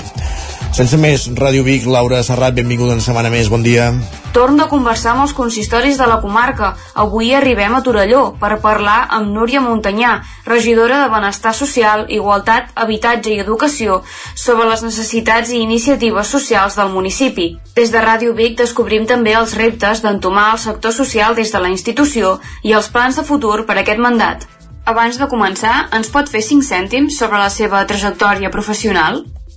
Doncs aquest és el meu segon mandat a l'Ajuntament, fet des del 2019 que, que vam entrar. Em va motivar a entrar a l'Ajuntament perquè venia del món associatiu, havia estat en moltes entitats de Torelló, de diferents àmbits, des de culturals fins a esportives, i a més a més també a nivell, bueno, m'havia implicat molt amb els escoltes a nivell nacional i vaig estar de responsable associativa en una entitat molt gran, i és una de les coses doncs, que tenia ganes de poder continuar i tot l'aprenentatge que vaig poder fer aquells anys doncs portar-lo a Torelló, que és el poble on he viscut tota la vida i que tenia ganes de, de que les coses milloressin i era un moment que Torelló necessitava un canvi i, i em vaig apuntar al carro de, de posar-me en política i embrancar-me amb tot això.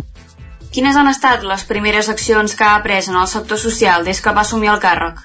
vam, per exemple, a nivell educatiu doncs vam tornar a reimpulsar el, el projecte educatiu de ciutat perquè bueno, ja s'havia estat treballant però necessitava una nova diagnosi per detectar realment les necessitats que hi havia en aquell moment i doncs vam començar per aquí a nivell de benestar social doncs també clar, abarca moltes coses no? des de la part més de, de diversitat i atenció a les persones nouvingudes com la part de gent gran les famílies més vulnerables tot és un treball també molt transversal que com que porto tant la regidoria d'educació com la de benestar social aquest primer mandat que he fet i aquest altre segon que, que comencem ara doncs crec que la idea de, de poder treballar transversalment i, i abarcar les coses, treballar-les en el sentit més ampli, doncs mirant a les persones és el que realment crec que podem aportar i a més a més com a equip de govern també treballem molt junts i per tant fem unes polítiques molt destinades a les persones. I quines accions preveieu aplicar, doncs, durant aquest mandat? Des del punt de vista de gent gran, per exemple, doncs estem continuant els punts de trobada que en diem, que són un espai que es reuneix setmanalment, que són unes 15 persones. És un espai on poden trobar-se, són gent que segurament durant la setmana estan una mica sols, doncs els reunim, se'ls hi preparen activitats i això també més o més ho fem conjuntament amb, amb Creu Roja perquè també treballem molt amb, amb altres entitats. També hem engegat un projecte que se'n diu Projecte FARS, que és per detectar les persones que tenen la solitud no volguda. És un projecte comunitari perquè també es treballa amb farmàcies, amb alguns comerços, bueno, amb el centre d'atenció primària, i tot això doncs, entra dins un pla de gent gran, perquè Torelló és vila amiga amb la gent gran, i doncs volem dinamitzar també tota aquesta població. Joventut es porta des d'una altra regidoria, però nosaltres a nivell de, de serveis socials doncs també que tenim algunes necessitats més detectades concretes de, de potser joves nouvinguts o famílies més vulnerables doncs es fan projectes com poden ser l'EVAL, que és esports en valors, i a partir d'aquí doncs a través de practicar esport també s'intenta que els joves es motivin per altres coses i que doncs, poder canviar les dinàmiques que tenen. I es pot treballar més amb el jove directament en algunes problemàtiques que no és que siguin dels esports però que el fet de compartir amb l'educador social doncs, es puguin treballar. També tenim el projecte del Vincula't amb un grup de joves treballem d'alguna manera doncs, perquè s'acabin vinculant al poble i puguin doncs, descobrir també altres inquietuds que tenen i donar-los resposta perquè puguin desenvolupar-se ells com a persones. En aquest sentit de benestar social tindríem això i després a l'educació tenim el projecte educatiu de ciutat que és molt ampli, tenim moltes, moltes portes obertes en aquest, en aquest àmbit. I parlant de col·laboracions, quines han establert amb altres institucions o organitzacions en l'àmbit social des que va assumir el càrrec? Bueno, en l'àmbit social, sobretot amb qui més treballem a nivell de regidoria de benestar social és amb Càritas. El grup d'aquí Torelló de Càritas realment és molt proactiu. Hi ha una coordinació molt exhaustiva amb detecció de casos, amb abordatge dels diferents casos. Cadascú sap la parcel·la que li toca ocupar però sí que realment la implicació de la ciutadania organitzada, per dir-ho així, realment és molt important perquè l'Ajuntament i les institucions arriben on arriben i després la part aquesta potser més humana, tot i que des de l'Ajuntament els treballadors de benestar són professionals molt bons, pots arribar on arriben les entitats, no? Doncs és com un braç més de la regidoria i realment doncs, Càritas treballem molt també treballem amb Creu Roja, amb alguns projectes puntuals i bueno, més enllà d'això doncs, també tenim coordinació amb la residència de Cals Avis, amb entitats com l'Associació de Asperger d'Osona. Hi ha diferents que llavors són poder coses més puntuals i que tenim convenis que els donem subvencions perquè puguin formar els seus integrants o el que sigui, però bàsicament amb qui més treballem a nivell de serveis socials és, és amb Càritas. Quines creu que són les necessitats socials més urgents de la seva comunitat?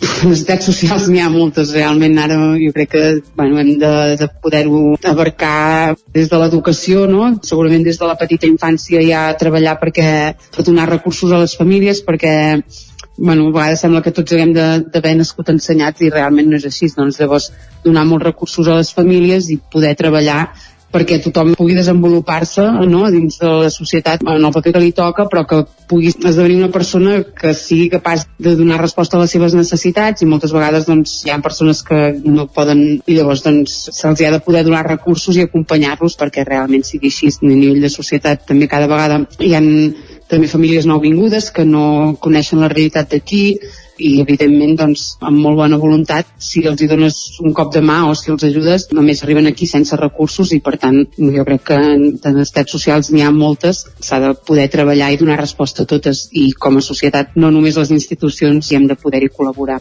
i quines mesures volen implementar per abordar aquesta problemàtica? És això des de serveis socials en la primera reunió d'acollida o en la primera visita que se'ls fa l'acompanyament doncs ja directament si tenen infants es treballa des d'educació perquè es puguin escolaritzar. Des de l'educació també tenim una bona part d'acompanyament amb les famílies que entren noves a l'escola treballant conjuntament amb serveis socials. Evidentment si venen amb infants doncs és un bon punt de partida no? per poder fer aquest acompanyament i després doncs tot el que faci falta se'ls acompanya però és un treball crec molt transversal Quins reptes ha trobat fins ara en relació amb el sector social i en la gestió des de la institució? La dificultat més grossa que es té l'Ajuntament, i aquests dies ho estic dient molt perquè ens reunim amb molta gent i tothom demana més diners, més recursos, el que és difícil quan estàs en aquests càrrecs és decidir on inverteixes. O sigui, la gent et diu és qüestió de voluntat política. No, és qüestió de recursos. Vull dir, estem en una època segurament altre cop de, no sé si de retallades, però si més no d'ajustar-nos molt al cinturó, perquè hi ha moltes partides del pressupost que estan pujant i que aquestes sí que s'han de tenir, i llavors el marge que et queda per decidir on poses els diners és poc poc. Les polítiques, si no depenen dels diners, evidentment que sí que esforços i, i recursos n'hi volem posar, perquè volem ser proactius en temes educatius, a nivell de recursos de serveis socials, doncs poder portar a terme aquests programes que et comentava, però a nivell econòmic a vegades és, és de lo més difícil decidir amb què et pots gastar els pocs diners que disposes. I en relació amb això, quines oportunitats de finançament o col·laboració cerca per recolzar les seves iniciatives en el sector social?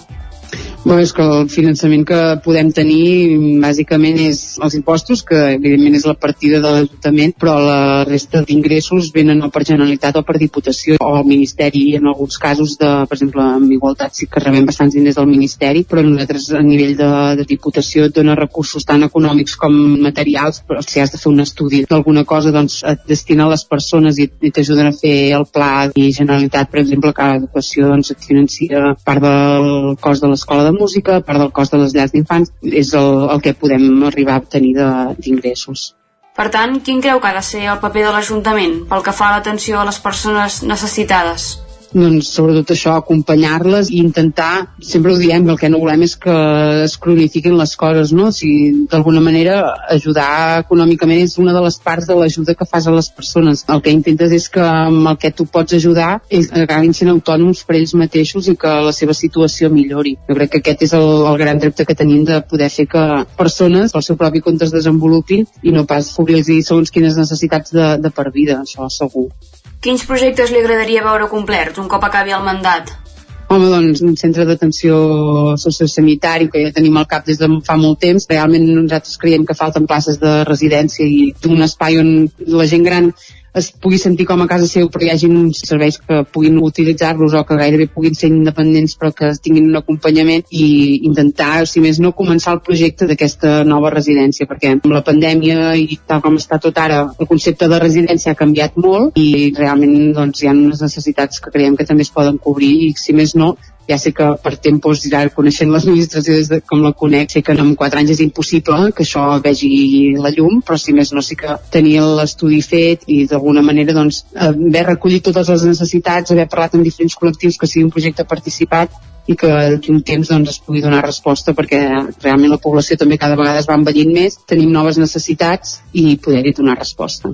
I per acabar, quin seria el futur ideal que s'imagina per la institució i per la comunitat?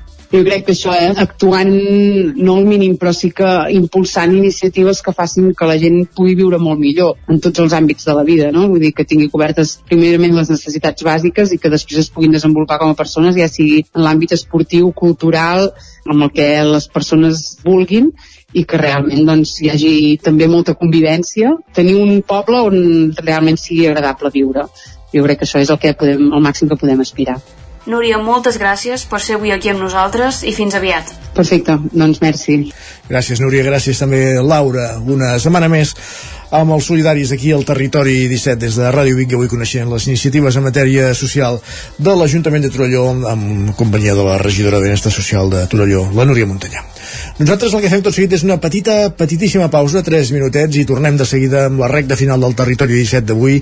Ens esperen Guillem Sánchez amb les piolades, ens esperen Jordi Soler avui en una sessió de Mindfulness a l'Alegria Interior i ens espera també l'editor Enric Soler de Tuixita Edicions per parlar d'aquesta nova obra del naturalista Martí Boada desembuscant tot a la recta final del territori 17 3 minuts i tornem El nou FM, la ràdio de casa, al 92.8 la qualitat de les teves impressions és important per tu? Estàs cansat que els colors i les imatges no surtin com t'esperes?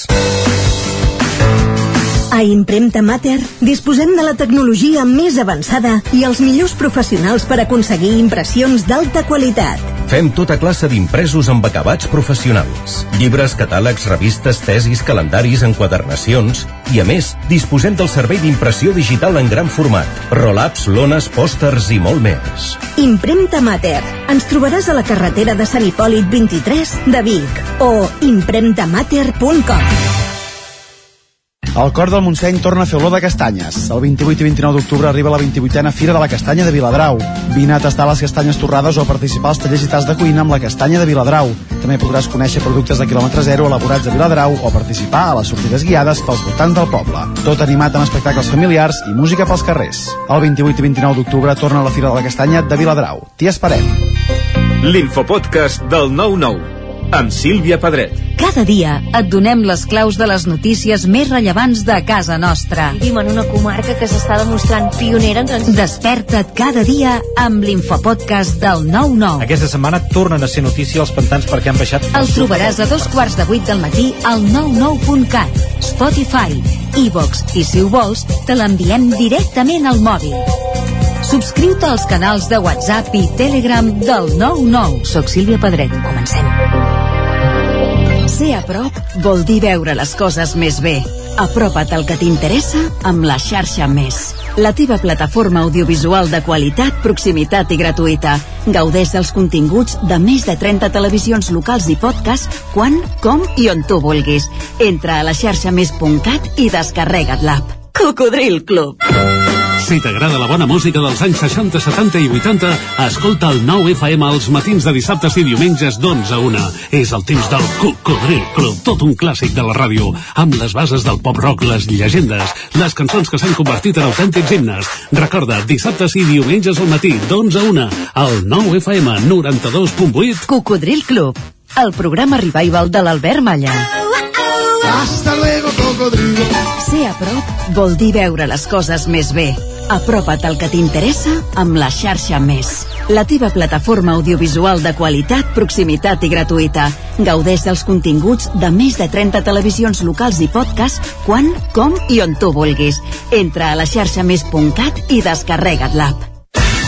El 9 FM, la ràdio de casa, al 92.8.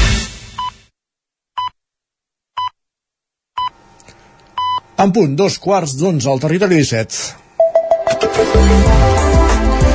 I en punt, clavat a la cadira, en Guillem Sánchez, com cada matí. Benvingut, bon dia. Què tal, què tal? Bueno, ahir no, ahir hi havia ahir no, Peix. ahir hi havia un substitut, diguem-ho així. Substituta. Substituta.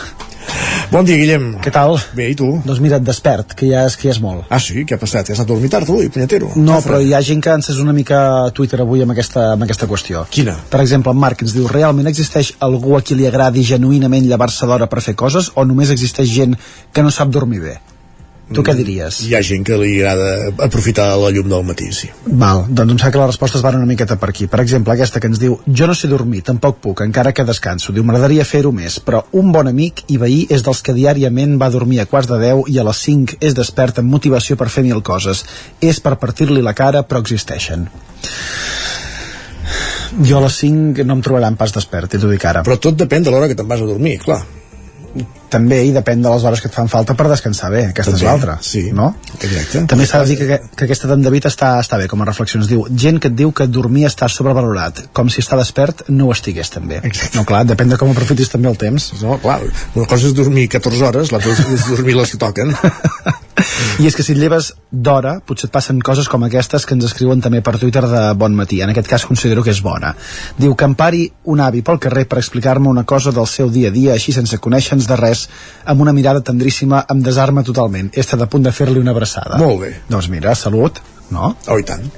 En canvi, vigileu què feu per xarxes, Isaac, perquè us podeu trobar persones com en Manel, que ens actuen així. Ens diu, quan veig algú dedicant molts esforços a semblar bona persona a internet, estant molt activament a favor de les coses bones i molt en contra de les dolentes, sempre penso que devia fer coses horribles en el passat. També pot ser. També pot ser, però bueno, és que trobem gent de tots els bàndols a, A tot arreu. A tot arreu. Vai, aquesta aportació de la Júlia a la secció d'avui m'encanta. Ja. Arribar aviat als llocs perquè vas més ràpid del que diu Google Maps es considera un talent? Es considera temeritat? Però jo tinc un dubte aquí. Jo m'hi sento plenament identificat eh, amb, aquesta, amb aquesta piulada. Tu creus que el temps que marca Google Maps en els, en els dispositius mòbils de la gent a l'hora de fer els recorreguts és realment el temps que es tarda a arribar als llocs? Mm, jo, a mi m'ho encerta bastant. Jo és que sempre penso que hi ha 3 o 4 minuts de marge que sempre es poden corregir anant a la velocitat adequada per les carreteres del, del nostre país. Mm, no ho sé pas, en fi. Bé, seria un debat, no? Exacte. Seria un... Jo sempre tendeixo a perdre en algun més que guanyar-lo, però vaja, per això... Val, doncs ho deixarem aquí. Va, amb una mica d'ironia ens escriuen també per xarxes avui el següent. Diu, el món està cap per avall. Fa un mes que hi ha torrons pels supermercats. Ja pengen llums de Nadal, abans de Tots Sants. On anirem a parar? És ben bé que arriba l'apocalipsi. El món està cap per avall, al hemisferi sud, però de, de tota la vida, sí, sí. I eh, em sembla que eh, aquí a Vic ja n'hi ha alguns, no?, de, de penjats, de llums, hem vist, ja... Sí, i tornes al supermercat també, sí. Uf, mare de Déu. I de fet, a Dremont van fer la fira del torró fa tres setmanes, ja vull dir que... Però la gent compra torrons el mes de setembre i el mes d'octubre? Jo no. Va, la Xeni ens afegeix i ens diu octubre, màniga curta i llums de Nadal. A mi algú m'està volent fer una broma. No, no, No, no, eh, broma. no, no. És realitat. I el missatge d'en Bernat m'ha estat a punt de fer Se'n diu caure... previsió. I tant. I el missatge d'en Bernat m'ha estat a punt de fer caure la llagrimeta, una mica Isaac. Diu, veure els llums de Nadal penjats i saber que no tinc ningú amb qui anar-los a veure quan s'encenguin fa una mica de mal. Ai, Déu, llums de Nadal. Home, que algú contacti amb ell, que algú l'acompanyi, home, això és ben fàcil de solucionar, Sí, sí, no? exacte. Va, i això d'en Guillem també és molt fort. Ens diu, revisant l'aplicació de la meva salut, he descobert que l'any 2019 vaig anar a urgències per un refredat i el metge em va diagnosticar tristesa i altres signes i símptomes que afecten l'estat emocional. Diu, no va tancar el diagnòstic i diu que fa 4 anys i mig que dura sense medicació. Carai. Per, ara que dius la meva salut, abans parlàvem de- d'eines poc operatives en el sector primari, eh, el- l'enginyer que ha dissenyat la- l'aplicació de la meva salut també el podríem... Li podríem donar un Premi Nobel, Sí, no, potser? exacte, per exemple, sí, sí. Va, i acabarem amb una reflexió també vinculada amb això per acabar la secció d'avui, la de l'Anna, que ens diu el carallot que va posar el punt de càrrega del ratolí, en aquest cas d'Apple, a sota, fent que no el puguis utilitzar connectat, diu, també es va quedar molt a gust. Passa que potser és la manera de dir-te que mentre s'està carregant no el pots fer servir. Però vaja, aquí, eh, aquí podríem entrar en el debat. Però jo aquí no li trobo sentit. Per què? Perquè si el carregues és perquè el vols seguir utilitzant, no? Per tant, mentre el- l'utilitzes, si el pots carregar, estàs guanyant temps, que és la manera en com vivim ara, ara mateix, que no podem perdre ni un però segon per res, no? prou previsió i saber que, que l'has de carregar abans. En fi, no ho sé, no ho sé. És que, Sí. Demà seguim amb el, amb el debat, Isaac. Et puc posar, et puc pos, posar-te el cireret amb un tuit que, que vaig veure ahir que em va fer molta gràcia. I tant. Per, ho, ho dic perquè el signaria al 100% jo aquest, eh? Diu, us podrà molestar i algú fins i tot li pot fer certa ràbia, però en un 96% de les vegades tinc més raó que un sant. Arnau Tordera primer Dixit. Què et sembla? Jo també l'afirmo. Jo També? també sempre tinc raó, gairebé També, sempre. Gairebé sempre. Gràcies, Sánchez. Que vagi bon bé. dia.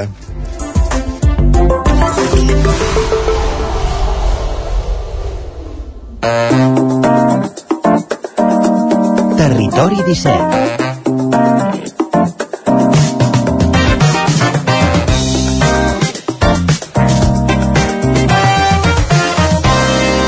Gairebé 6 minuts que passen de dos quarts de de- d'onze del matí, moment per l'alegria interior.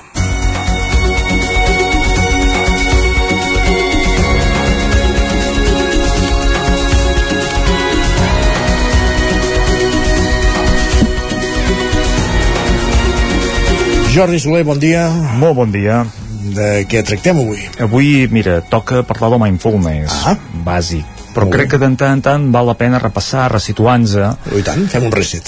Sí, perquè vull dir que el tema de meditació, mindfulness, aquests conceptes de l'ara i aquí, viure el moment present, això ja ho tenim molt tastat, molt provat, molt conegut, però mm, dona la sensació que ho tenim una mica mal entès o no ho sabem entendre amb tota la seva amplitud doncs és bo una mica de tant en tant repassar-ho eh? vull dir que la meditació de- plena és una pràctica que, bueno, d'entrenament mental que es remunta fa més de 5.000 anys eh? la, la cultura hinduista ja la portava, la budista doncs també la va aplicar i la veritat és que el món occidental no ens va arribar fins fa pocs anys, eh, sobretot a través d'una persona, el John Kabat-Zinn, que és, és un metge, eh? vull dir que sí.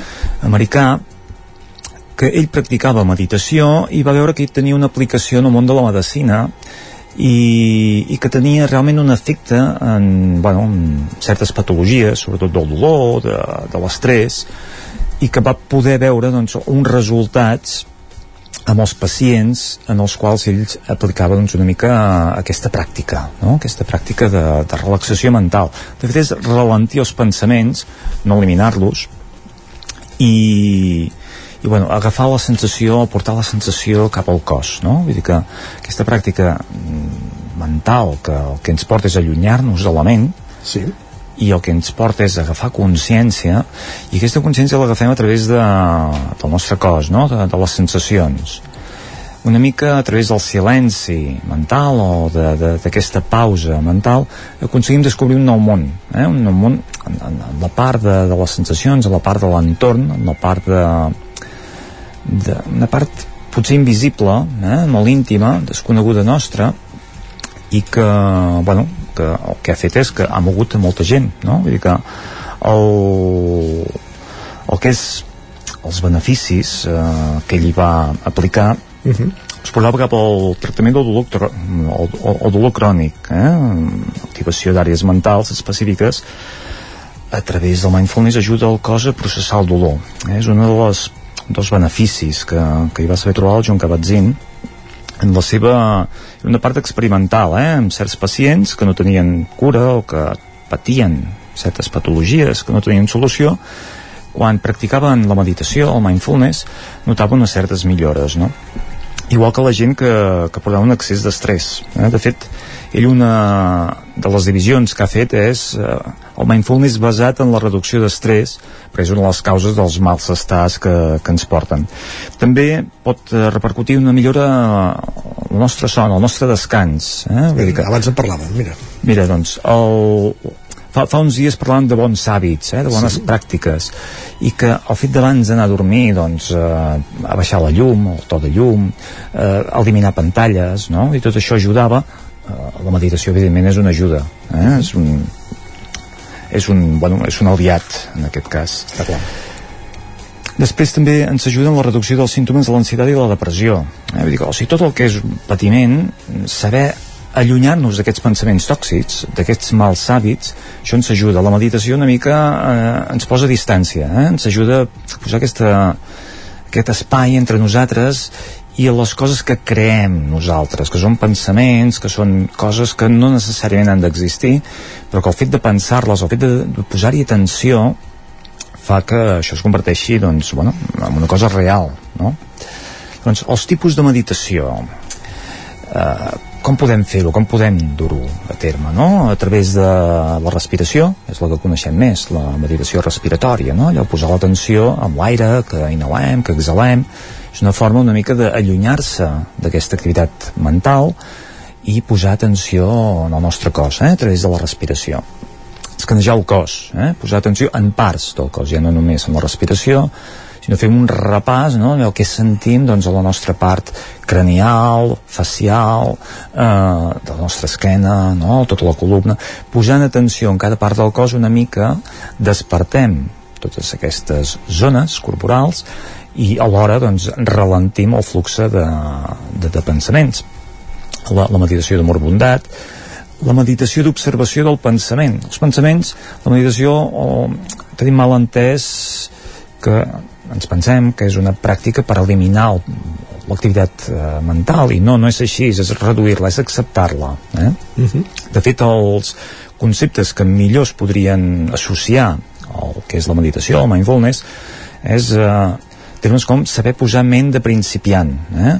com no jutjar, eh? com practicar l'acceptació, com deixar anar, eh? ens agafem molt amb idees preconcebudes que les fem reals i que no són així de deixar anar que fa confiança eh? tenir paciència, no forçar tot això són conceptes que una mica podrien ser sinònims d'aquesta activitat no? bé, com dèiem l'origen de la meditació és molt llunyana però aquí el 1975 el Kabat-Zinn és quan ho va començar a introduir eh, aquests treballs diguéssim mèdics però que s'ha anat estenent i bueno, hem, arribat a aplicar-ho a, a, tots els mitjans, a les empreses, a les escoles no? vull dir que gent que practica doncs, meditació de forma guiada I aquí mm, faria un, una petita pausa. També associem la meditació com una activitat que hem de dur a terme, com una tasca, com una assignatura, eh? com aquella persona que va al gimnàs, doncs mira, jo els dimarts vaig a meditació, o dedico mm, 10 minuts al dia a meditar, tot això està molt bé eh? Sí, això, això ens ajuda si ho, si ho fem abans de dormir hem dit que fins i tot millorava la nostra qualitat de la son no? Vull dir que per tant tot això són millores però jo aniria una mica més enllà i diria que la meditació no és només una pràctica puntual que fem, sinó que és una forma d'entendre i de fer les coses. Vull dir, quan aprofundim, quan avancem, quan ja passem a un nivell 2, ja passem de veure com una assignatura, de veure com una activitat més que ens ajuda, que és saludable, que, que té molts beneficis, i ho incorporem al nostre dia a dia de forma constant, no? com vivim cada cosa, com estem ara tu i jo aquí vivint aquesta experiència, no? què tenim, què sentim prenem consciència del nostre entorn?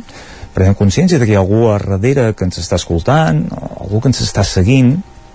Prendre consciència de tots aquests aspectes quan fem la nostra activitat, la nostra rutina diària, doncs això ens ajuda. Quan fem el menjar, quan mengem, quan passegem, quan treballem, sabem parar, sabem posar aquesta distància, no? Eh, si una cosa ens, eh, ens pesa molt, ens ofega, doncs eh, saber parar, saber respirar, saber-ne prendre consciència, ens ajuda una mica a empatitir-ho. Eh? Llavors, uh -huh. tot això, el John Kabat-Zinn va escriure un seguit de llibres immens, eh? vull dir que, bueno, immens, vull dir, ha escrit molts llibres, però un d'aquests llibres, que és Llamando a tu pròpia puerta, recull un seguit de cites, resumeix, eh? i m'agradaria doncs comentar-ne alguna, perquè crec que aquests petits resums són coses molt bàsiques, molt simples, eh? que, que ja sabem, però que el fet de no recordar-les o, o no prendre en consciència, doncs, bueno, ens fa estar una mica, doncs, una mica dormits. No? Aviam, va, quins són? Un d'ells és la meditació, pensem, la més bàsica, eh? Uh -huh. I diu, la meditació no és una tècnica, sinó una forma de ser, això que dèiem, eh? Vull dir que no és una cosa que hem de practicar, sinó que és una cosa que hem de viure eh? en tot moment. La meditació no consisteix en esforçar-nos en arribar a un determinat lloc, sinó en permetre'ns estar precisament en el lloc en el que estem, tal i com estem i, i en deixar, en deixar que en aquest mateix instant el món sigui també exactament tal qual és no? Vull dir que, sense esforç però vivint-ho en cada moment, en cada cosa petita o gran eh? viure aquest estat és un, una nova percepció un estat de consciència diferent passo una altra cita eh? I, i amb aquesta acabem perquè em sembla que se'ns acaba el temps el sí infidel dir sí a més coses de les que podem gestionar per estar còmodes íntegrament presents equival de fet, a dir no a totes aquelles coses, persones i llocs als que hem dit sí, incloent potser el nostre propi benestar. Eh? Aquesta necessitat d'abastar-ho tot, d'arribar a tot arreu, de ser més que en cada moment, ens impedeix viure, ens impedeix gaudir, no? ens impedeix realment entendre el que, el que estem fent i el nostre propòsit. Per tant, no correm tant vivim més, estiguem presents, no? Vull dir que aquest acte de presència, aquest acte de d'estar aquí jo crec que, que és bo eh? i el mindfulness o la meditació ens pot ajudar més enllà d'una activitat puntual Perfectíssim, doncs prenem nota de tot. Jordi, una setmana més, moltíssimes gràcies. A vosaltres. I nosaltres que avancem al territori 17, deixem enrere el mindfulness i tot seguit parlem de llibres. D'un llibre en concret, i eh, per parlar-ne anem fins a Ràdio Televisió Cardedeu. Territori 17 Un minut que passa de 3 quarts d'onze del matí.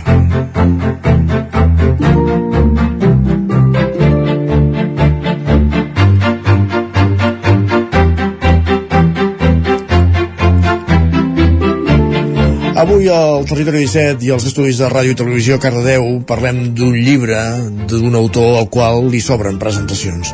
Una persona del Montseny, vinculada al Montseny i a l'educació ambiental en el sentit més ampli de la paraula, Martí Boada. Per parlar sobre el seu nou llibre, Desembuscant, ens acompanya l'editor del volum, en l'Enric Soler, de Toixita Edicions, que està als estudis de Ràdio i Televisió Cardeu, com dèiem, en companyia de l'Enric Rubio. Benvinguts tots dos, bon dia. Hola, bon dia, Isaac, què tal, com estem? És així, i deixa'm que et digui que a part de professionalment em fa una especial il·lusió en l'àmbit personal tenir avui aquí entre nosaltres l'Enric Soler de Tuixita Edicions, com bé has dit, ja que la passió que, amb la que explica els títols de la seva editorial i diria gairebé el do que té per transmetre-la va fer que ja fa anys un servidor, jo mateix, m'iniciés en la literatura de muntanya i viatge. Enric Soler i Raspall és escriptor i fundador de Tuixit Edicions, una petita editorial de Sant Celoni especialitzada en llibres de natura, viatges i muntanya. Recentment, tal com vam explicar l'informatiu d'aquest programa, van presentar a Sant Celoni el nou llibre del doctor Boada, Desembuscant. Aquest és el resultat de la relació que el doctor ha forjat al llarg dels anys amb la natura i els boscos, mitjançant les passejades que ha dut a terme arreu d'ells. I en com aquests l'han anat convertint en la persona que és ara. El llibre, permeteu-me la redundància, és un passeig tranquil, agradable i planer pel que Boada ens transporta pel seu jo més nu i sincer i ens fa comprendre què significa per ell la natura i com l'entén i s'hi relaciona en el seu dia a dia. Bon dia, Enric. Benvingut als estudis de Ràdio Televisió Cardeu i en aquest programa i secció on estimem els llibres. Hola, que bon dia, uh, Radio Oients de Territori 17. Uh, aquí estem, doncs, preparats per parlar del llibre d'en Martí Boada. Ben a punt. He preferit presentar-te a tu i deixar que la presentació del doctor corri de les teves pròpies mans, ja que n'estic segur que ho podràs fer d'una forma molt més rica del que faria jo. I més ara que hi estàs tan en contacte i tan recentment. Qui és per tu en Martí? Com el presentaries a totes aquestes persones que ens estiguin escoltant i que per molt que els hi soni àmpliament el seu nom, potser no coneguin gaire profundament el seu bagatge? Bé, en Martí Boada és, eh, hauríem de dir, un català universal. Estic segur que si en Josep Pla estigués viu l'afegiria en la seva llista llarga d'humanots, estic completament segur què, què hem de dir? Eh? És un home eh, que no para, que no para, eh, ni a la seva edat no para, que no para de publicar, que no para d'escriure, que no para de viure i que no para de defensar els boscos a ultrança i potser això darrer és el que l'ha fet doncs eh, això, català il·lustre eh, que passa que a vegades els catalans tenim aquesta autoestima que un pèl baixa i allò típic, no? que si fos de qualsevol altre lloc seria triplement famós i conegut i bé, això, és, això ens passa eh? sí. però Martí Boada s'obren s'obren presentacions i el, potser, el que potser és més rellevant és, és això, és que no para, no para, o sigui, va fent, va fent, va fent, eh, té més de 300 llibres escrits i en els quals ha participat, eh, no para de fer exposicions, no para d'escriure i no para de fer conferències i jo diria que no hi ha gairebé ningú que defensi tant a ultrança el bosc en si mateix, no en aquesta visió potser que a vegades tenim els urbanites, sinó en si mateix, perquè ell prové del més profund del bosc, i, i això és una gran vàlua. Uh -huh. Uh, situats amb qui és Martí Boada, uh, parla'ns d'aquesta obra, de, Desembuscant, què hi trobem en aquest llibre, en aquest volum? Bé, en primer lloc hauríem de dir que és una obra absolutament intimista perquè va sorgir en plena pandèmia. En Martí en aquella època vivia a Bellaterra amb un petit estudi on veia des d'una finestra doncs, la natura quan estàvem incomunicats i tancats i no podíem sortir de casa i aleshores va començar a fer un seguit de whatsapps en els amics coneguts, amb una llista llarguíssima de, de whatsapps d'amistats que, té i el, el fruit d'aquests eh, petits missatges que a vegades tenien un do poètic que a vegades tenien doncs, una prosa també molt pròxima a la poesia intimista, de recuperació del retorn al bosc, a la natura de, de citar amics, amics que no podia veure en aquell moment doncs durant un any i una mica més eh, perquè en, en teoria havia de, de durar un any però en Martí, clar, quan va sortir la pandèmia va seguir fent els whatsapps i encara els segueix fent ara. Vull dir que el llibre era un work in progress que no s'acabava mai i jo li deia Martí que ja hem d'acabar. No, no, però aquest també, aquest també. Eh? I, i, i van anar afegint. Llavors el llibre doncs, va durar una mica més d'un any i en qualsevol cas és, és, és eh, una obra que està plegada de, del seu amor per la natura, com no, però ja us dic, una, un amor no naïf, sinó una, un amor de comprensió eh, de la natura profunda i al mateix temps de les amistats que en aquell temps no podia, no podia veure, per això el llibre està ple de fotografies en blanc i negre d'amigues i amics doncs, que després a, a la mesura que ha anat podent sortir, com tots, doncs ha pogut anar recuperant, no? És, és un llibre, jo, jo m'atreviria a dir que és un dels seus llibres més íntims, o almenys per mi ho és i aquesta és la grandesa d'aquesta petita gran obra de Desembuscant sí, mira, precisament pel que, pel que hem pogut llegir el llibre és un gran exercici com tu deies de transparència del doctor vers la seva relació amb la natura i molt més enllà que això podem trobar-hi, com deies en ell el Martí potser més sincer i natural d'aquests últims anys que hem pogut veure en, en publicacions? Sí, és clar, en Martí s'ha anat fent gran eh, i és cert que ha anat com aprofundint molt més en dins seu, va passar potser una època que d'expansió, que la qual cosa feia televisió, anava per tot el món, feia programes, defensàvem simpòsiums, congressos, eh, etc i jo crec que darrerament a les seves últimes obres, des de Poesia desemboscant i... ai, Poesia forestal, perdoneu, a Desemboscant i Poesia finestral, totes aquestes darreres obres eh, s'està explorant el Martí més intimista, més mirant cap endins, més mirant, doncs, que, en fi, que té una edat i que el, el tempus fugit, no? I, i això és, és el que dic, és el que fa que aquestes darreres obres siguin doncs, una mica com els westerns crepusculars eh? o sigui, un llibre que mira més endins que cap en fora, tot i que, és clar la mirada de la natura hi és omnipresent uh -huh. Un llibre, evidentment, especial es va presentar a l'ermita de Sant Llorenç de Vilardell a Sant Celoni i l'autor va estar acompanyat de, de molta gent Mònica Terribas, autora del pròleg el buscarà el Santi Cassi, l'autor Rapsol de Xavier Flores i el músic del Mau Boada, per tant, allò, una presentació amb, amb tots els honors una mica explica'ns com, com va anar tot plegat Bé, va ser una presentació espectacular, el, el lloc, eh, tot i la incomoditat inicial que pogués semblar, perquè és clar, si aquesta ho fas doncs, a l'extra radi de, de Sant Celoni, amb una ermita que està allà doncs, pujant al Mont Negre, o la fas enmig de Sant Celoni, per exemple, sense anar més lluny, o enmig de Cardedeu, o, o enmig de Vic, no? doncs és diferent, eh, i això ens feia una mica de por, però Martí volia un espai on la natura inundés l'espai en si mateix, no hem d'oblidar que en Martí té disposat eh, de repartir tot el seu fons en tres eh, àmbits geogràfics, i un dels quals és Sant Celoni i específicament aquesta ermita, aquesta església, on hi ha dipositada una, una, una de les seves parts eh, bueno, de, del seu fons i per això va voler que es fes allà eh? i tampoc hem de tampoc hem d'oblidar doncs, que, que hi hagués la Mònica Terribas que va signar el pròleg, que hi hagués el seu fill en Dalmau musicant els, el, les lectures dels poemes, en aquest cas d'en Martí, eh, per, per el Rapsó de Flores, doncs eh, fos, fos el resultat d'una una presentació molt intimista, molt d'amistats, molt d'amics, molt de persones conegudes d'en Martí i, en fi, eh, jo, jo diria que va ser com una corrua d'homenatge amb ell eh, i no va fer res a la gent traslladar-se ni molt menys fins allà per gaudir de més a més d'un matí assolellat i d'una un, presentació espectacular com poques eh, he vist realment una gran sort tots els que, els que veu poder-ho gaudir en, en directe. Segurament, Enric, i corregeix-me si m'equivoco, però la propera Fira del Llibre de Muntanya de Vic, que tindrà lloc els propers 10, 11 i 12 de novembre, serà, permet-me la llicència, una presentació en societat pel públic potser més ampli del sector dels amants d'aquests llibres. Quin públic precisament creus que es pot sentir interpel·lat a l'hora d'adquirir Desemboscant?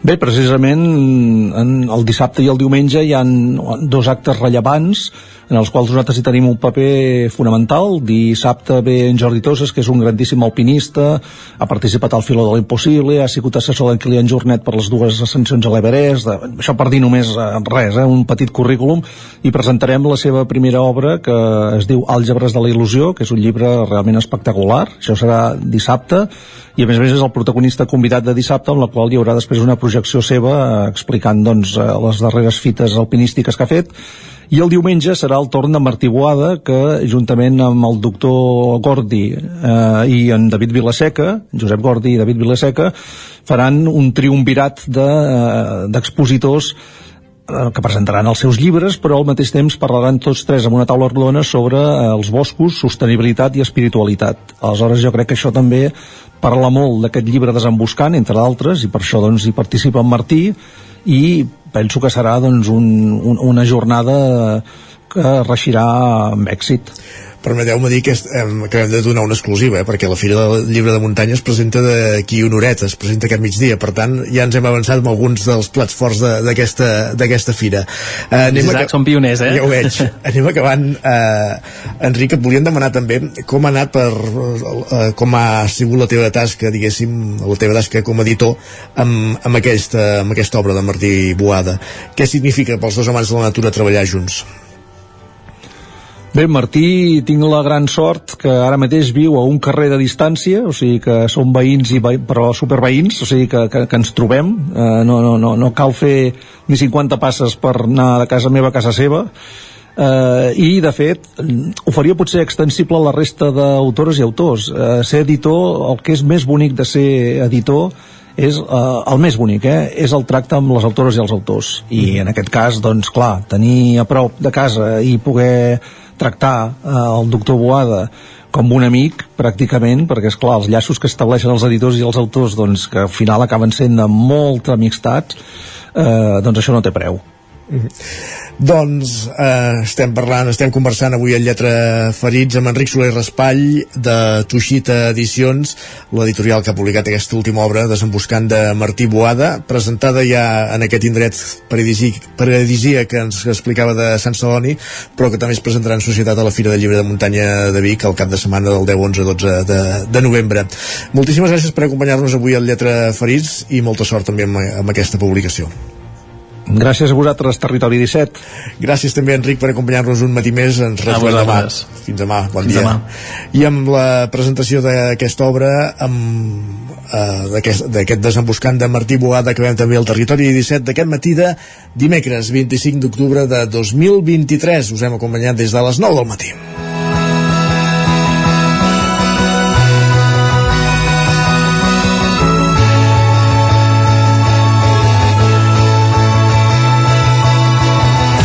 Ara és hora ja de dia adeu-siau, però ens retrobarem demà a la mateixa hora. Serà dijous a partir de les 9 que començarà un nou Territori 17. El d'avui us hem acompanyat des de les 9. Roger Rams, Isaac Muntades, Pepa Costa, Laura Serrat, Guillem Sánchez, Jordi Soler, Enric Rubio, Sergi Vives i Isaac Moreno. I tornarem demà a partir de les 9, com dèiem, fins aleshores. Gràcies per ser-hi i molt bon dimecres. Adeu-siau.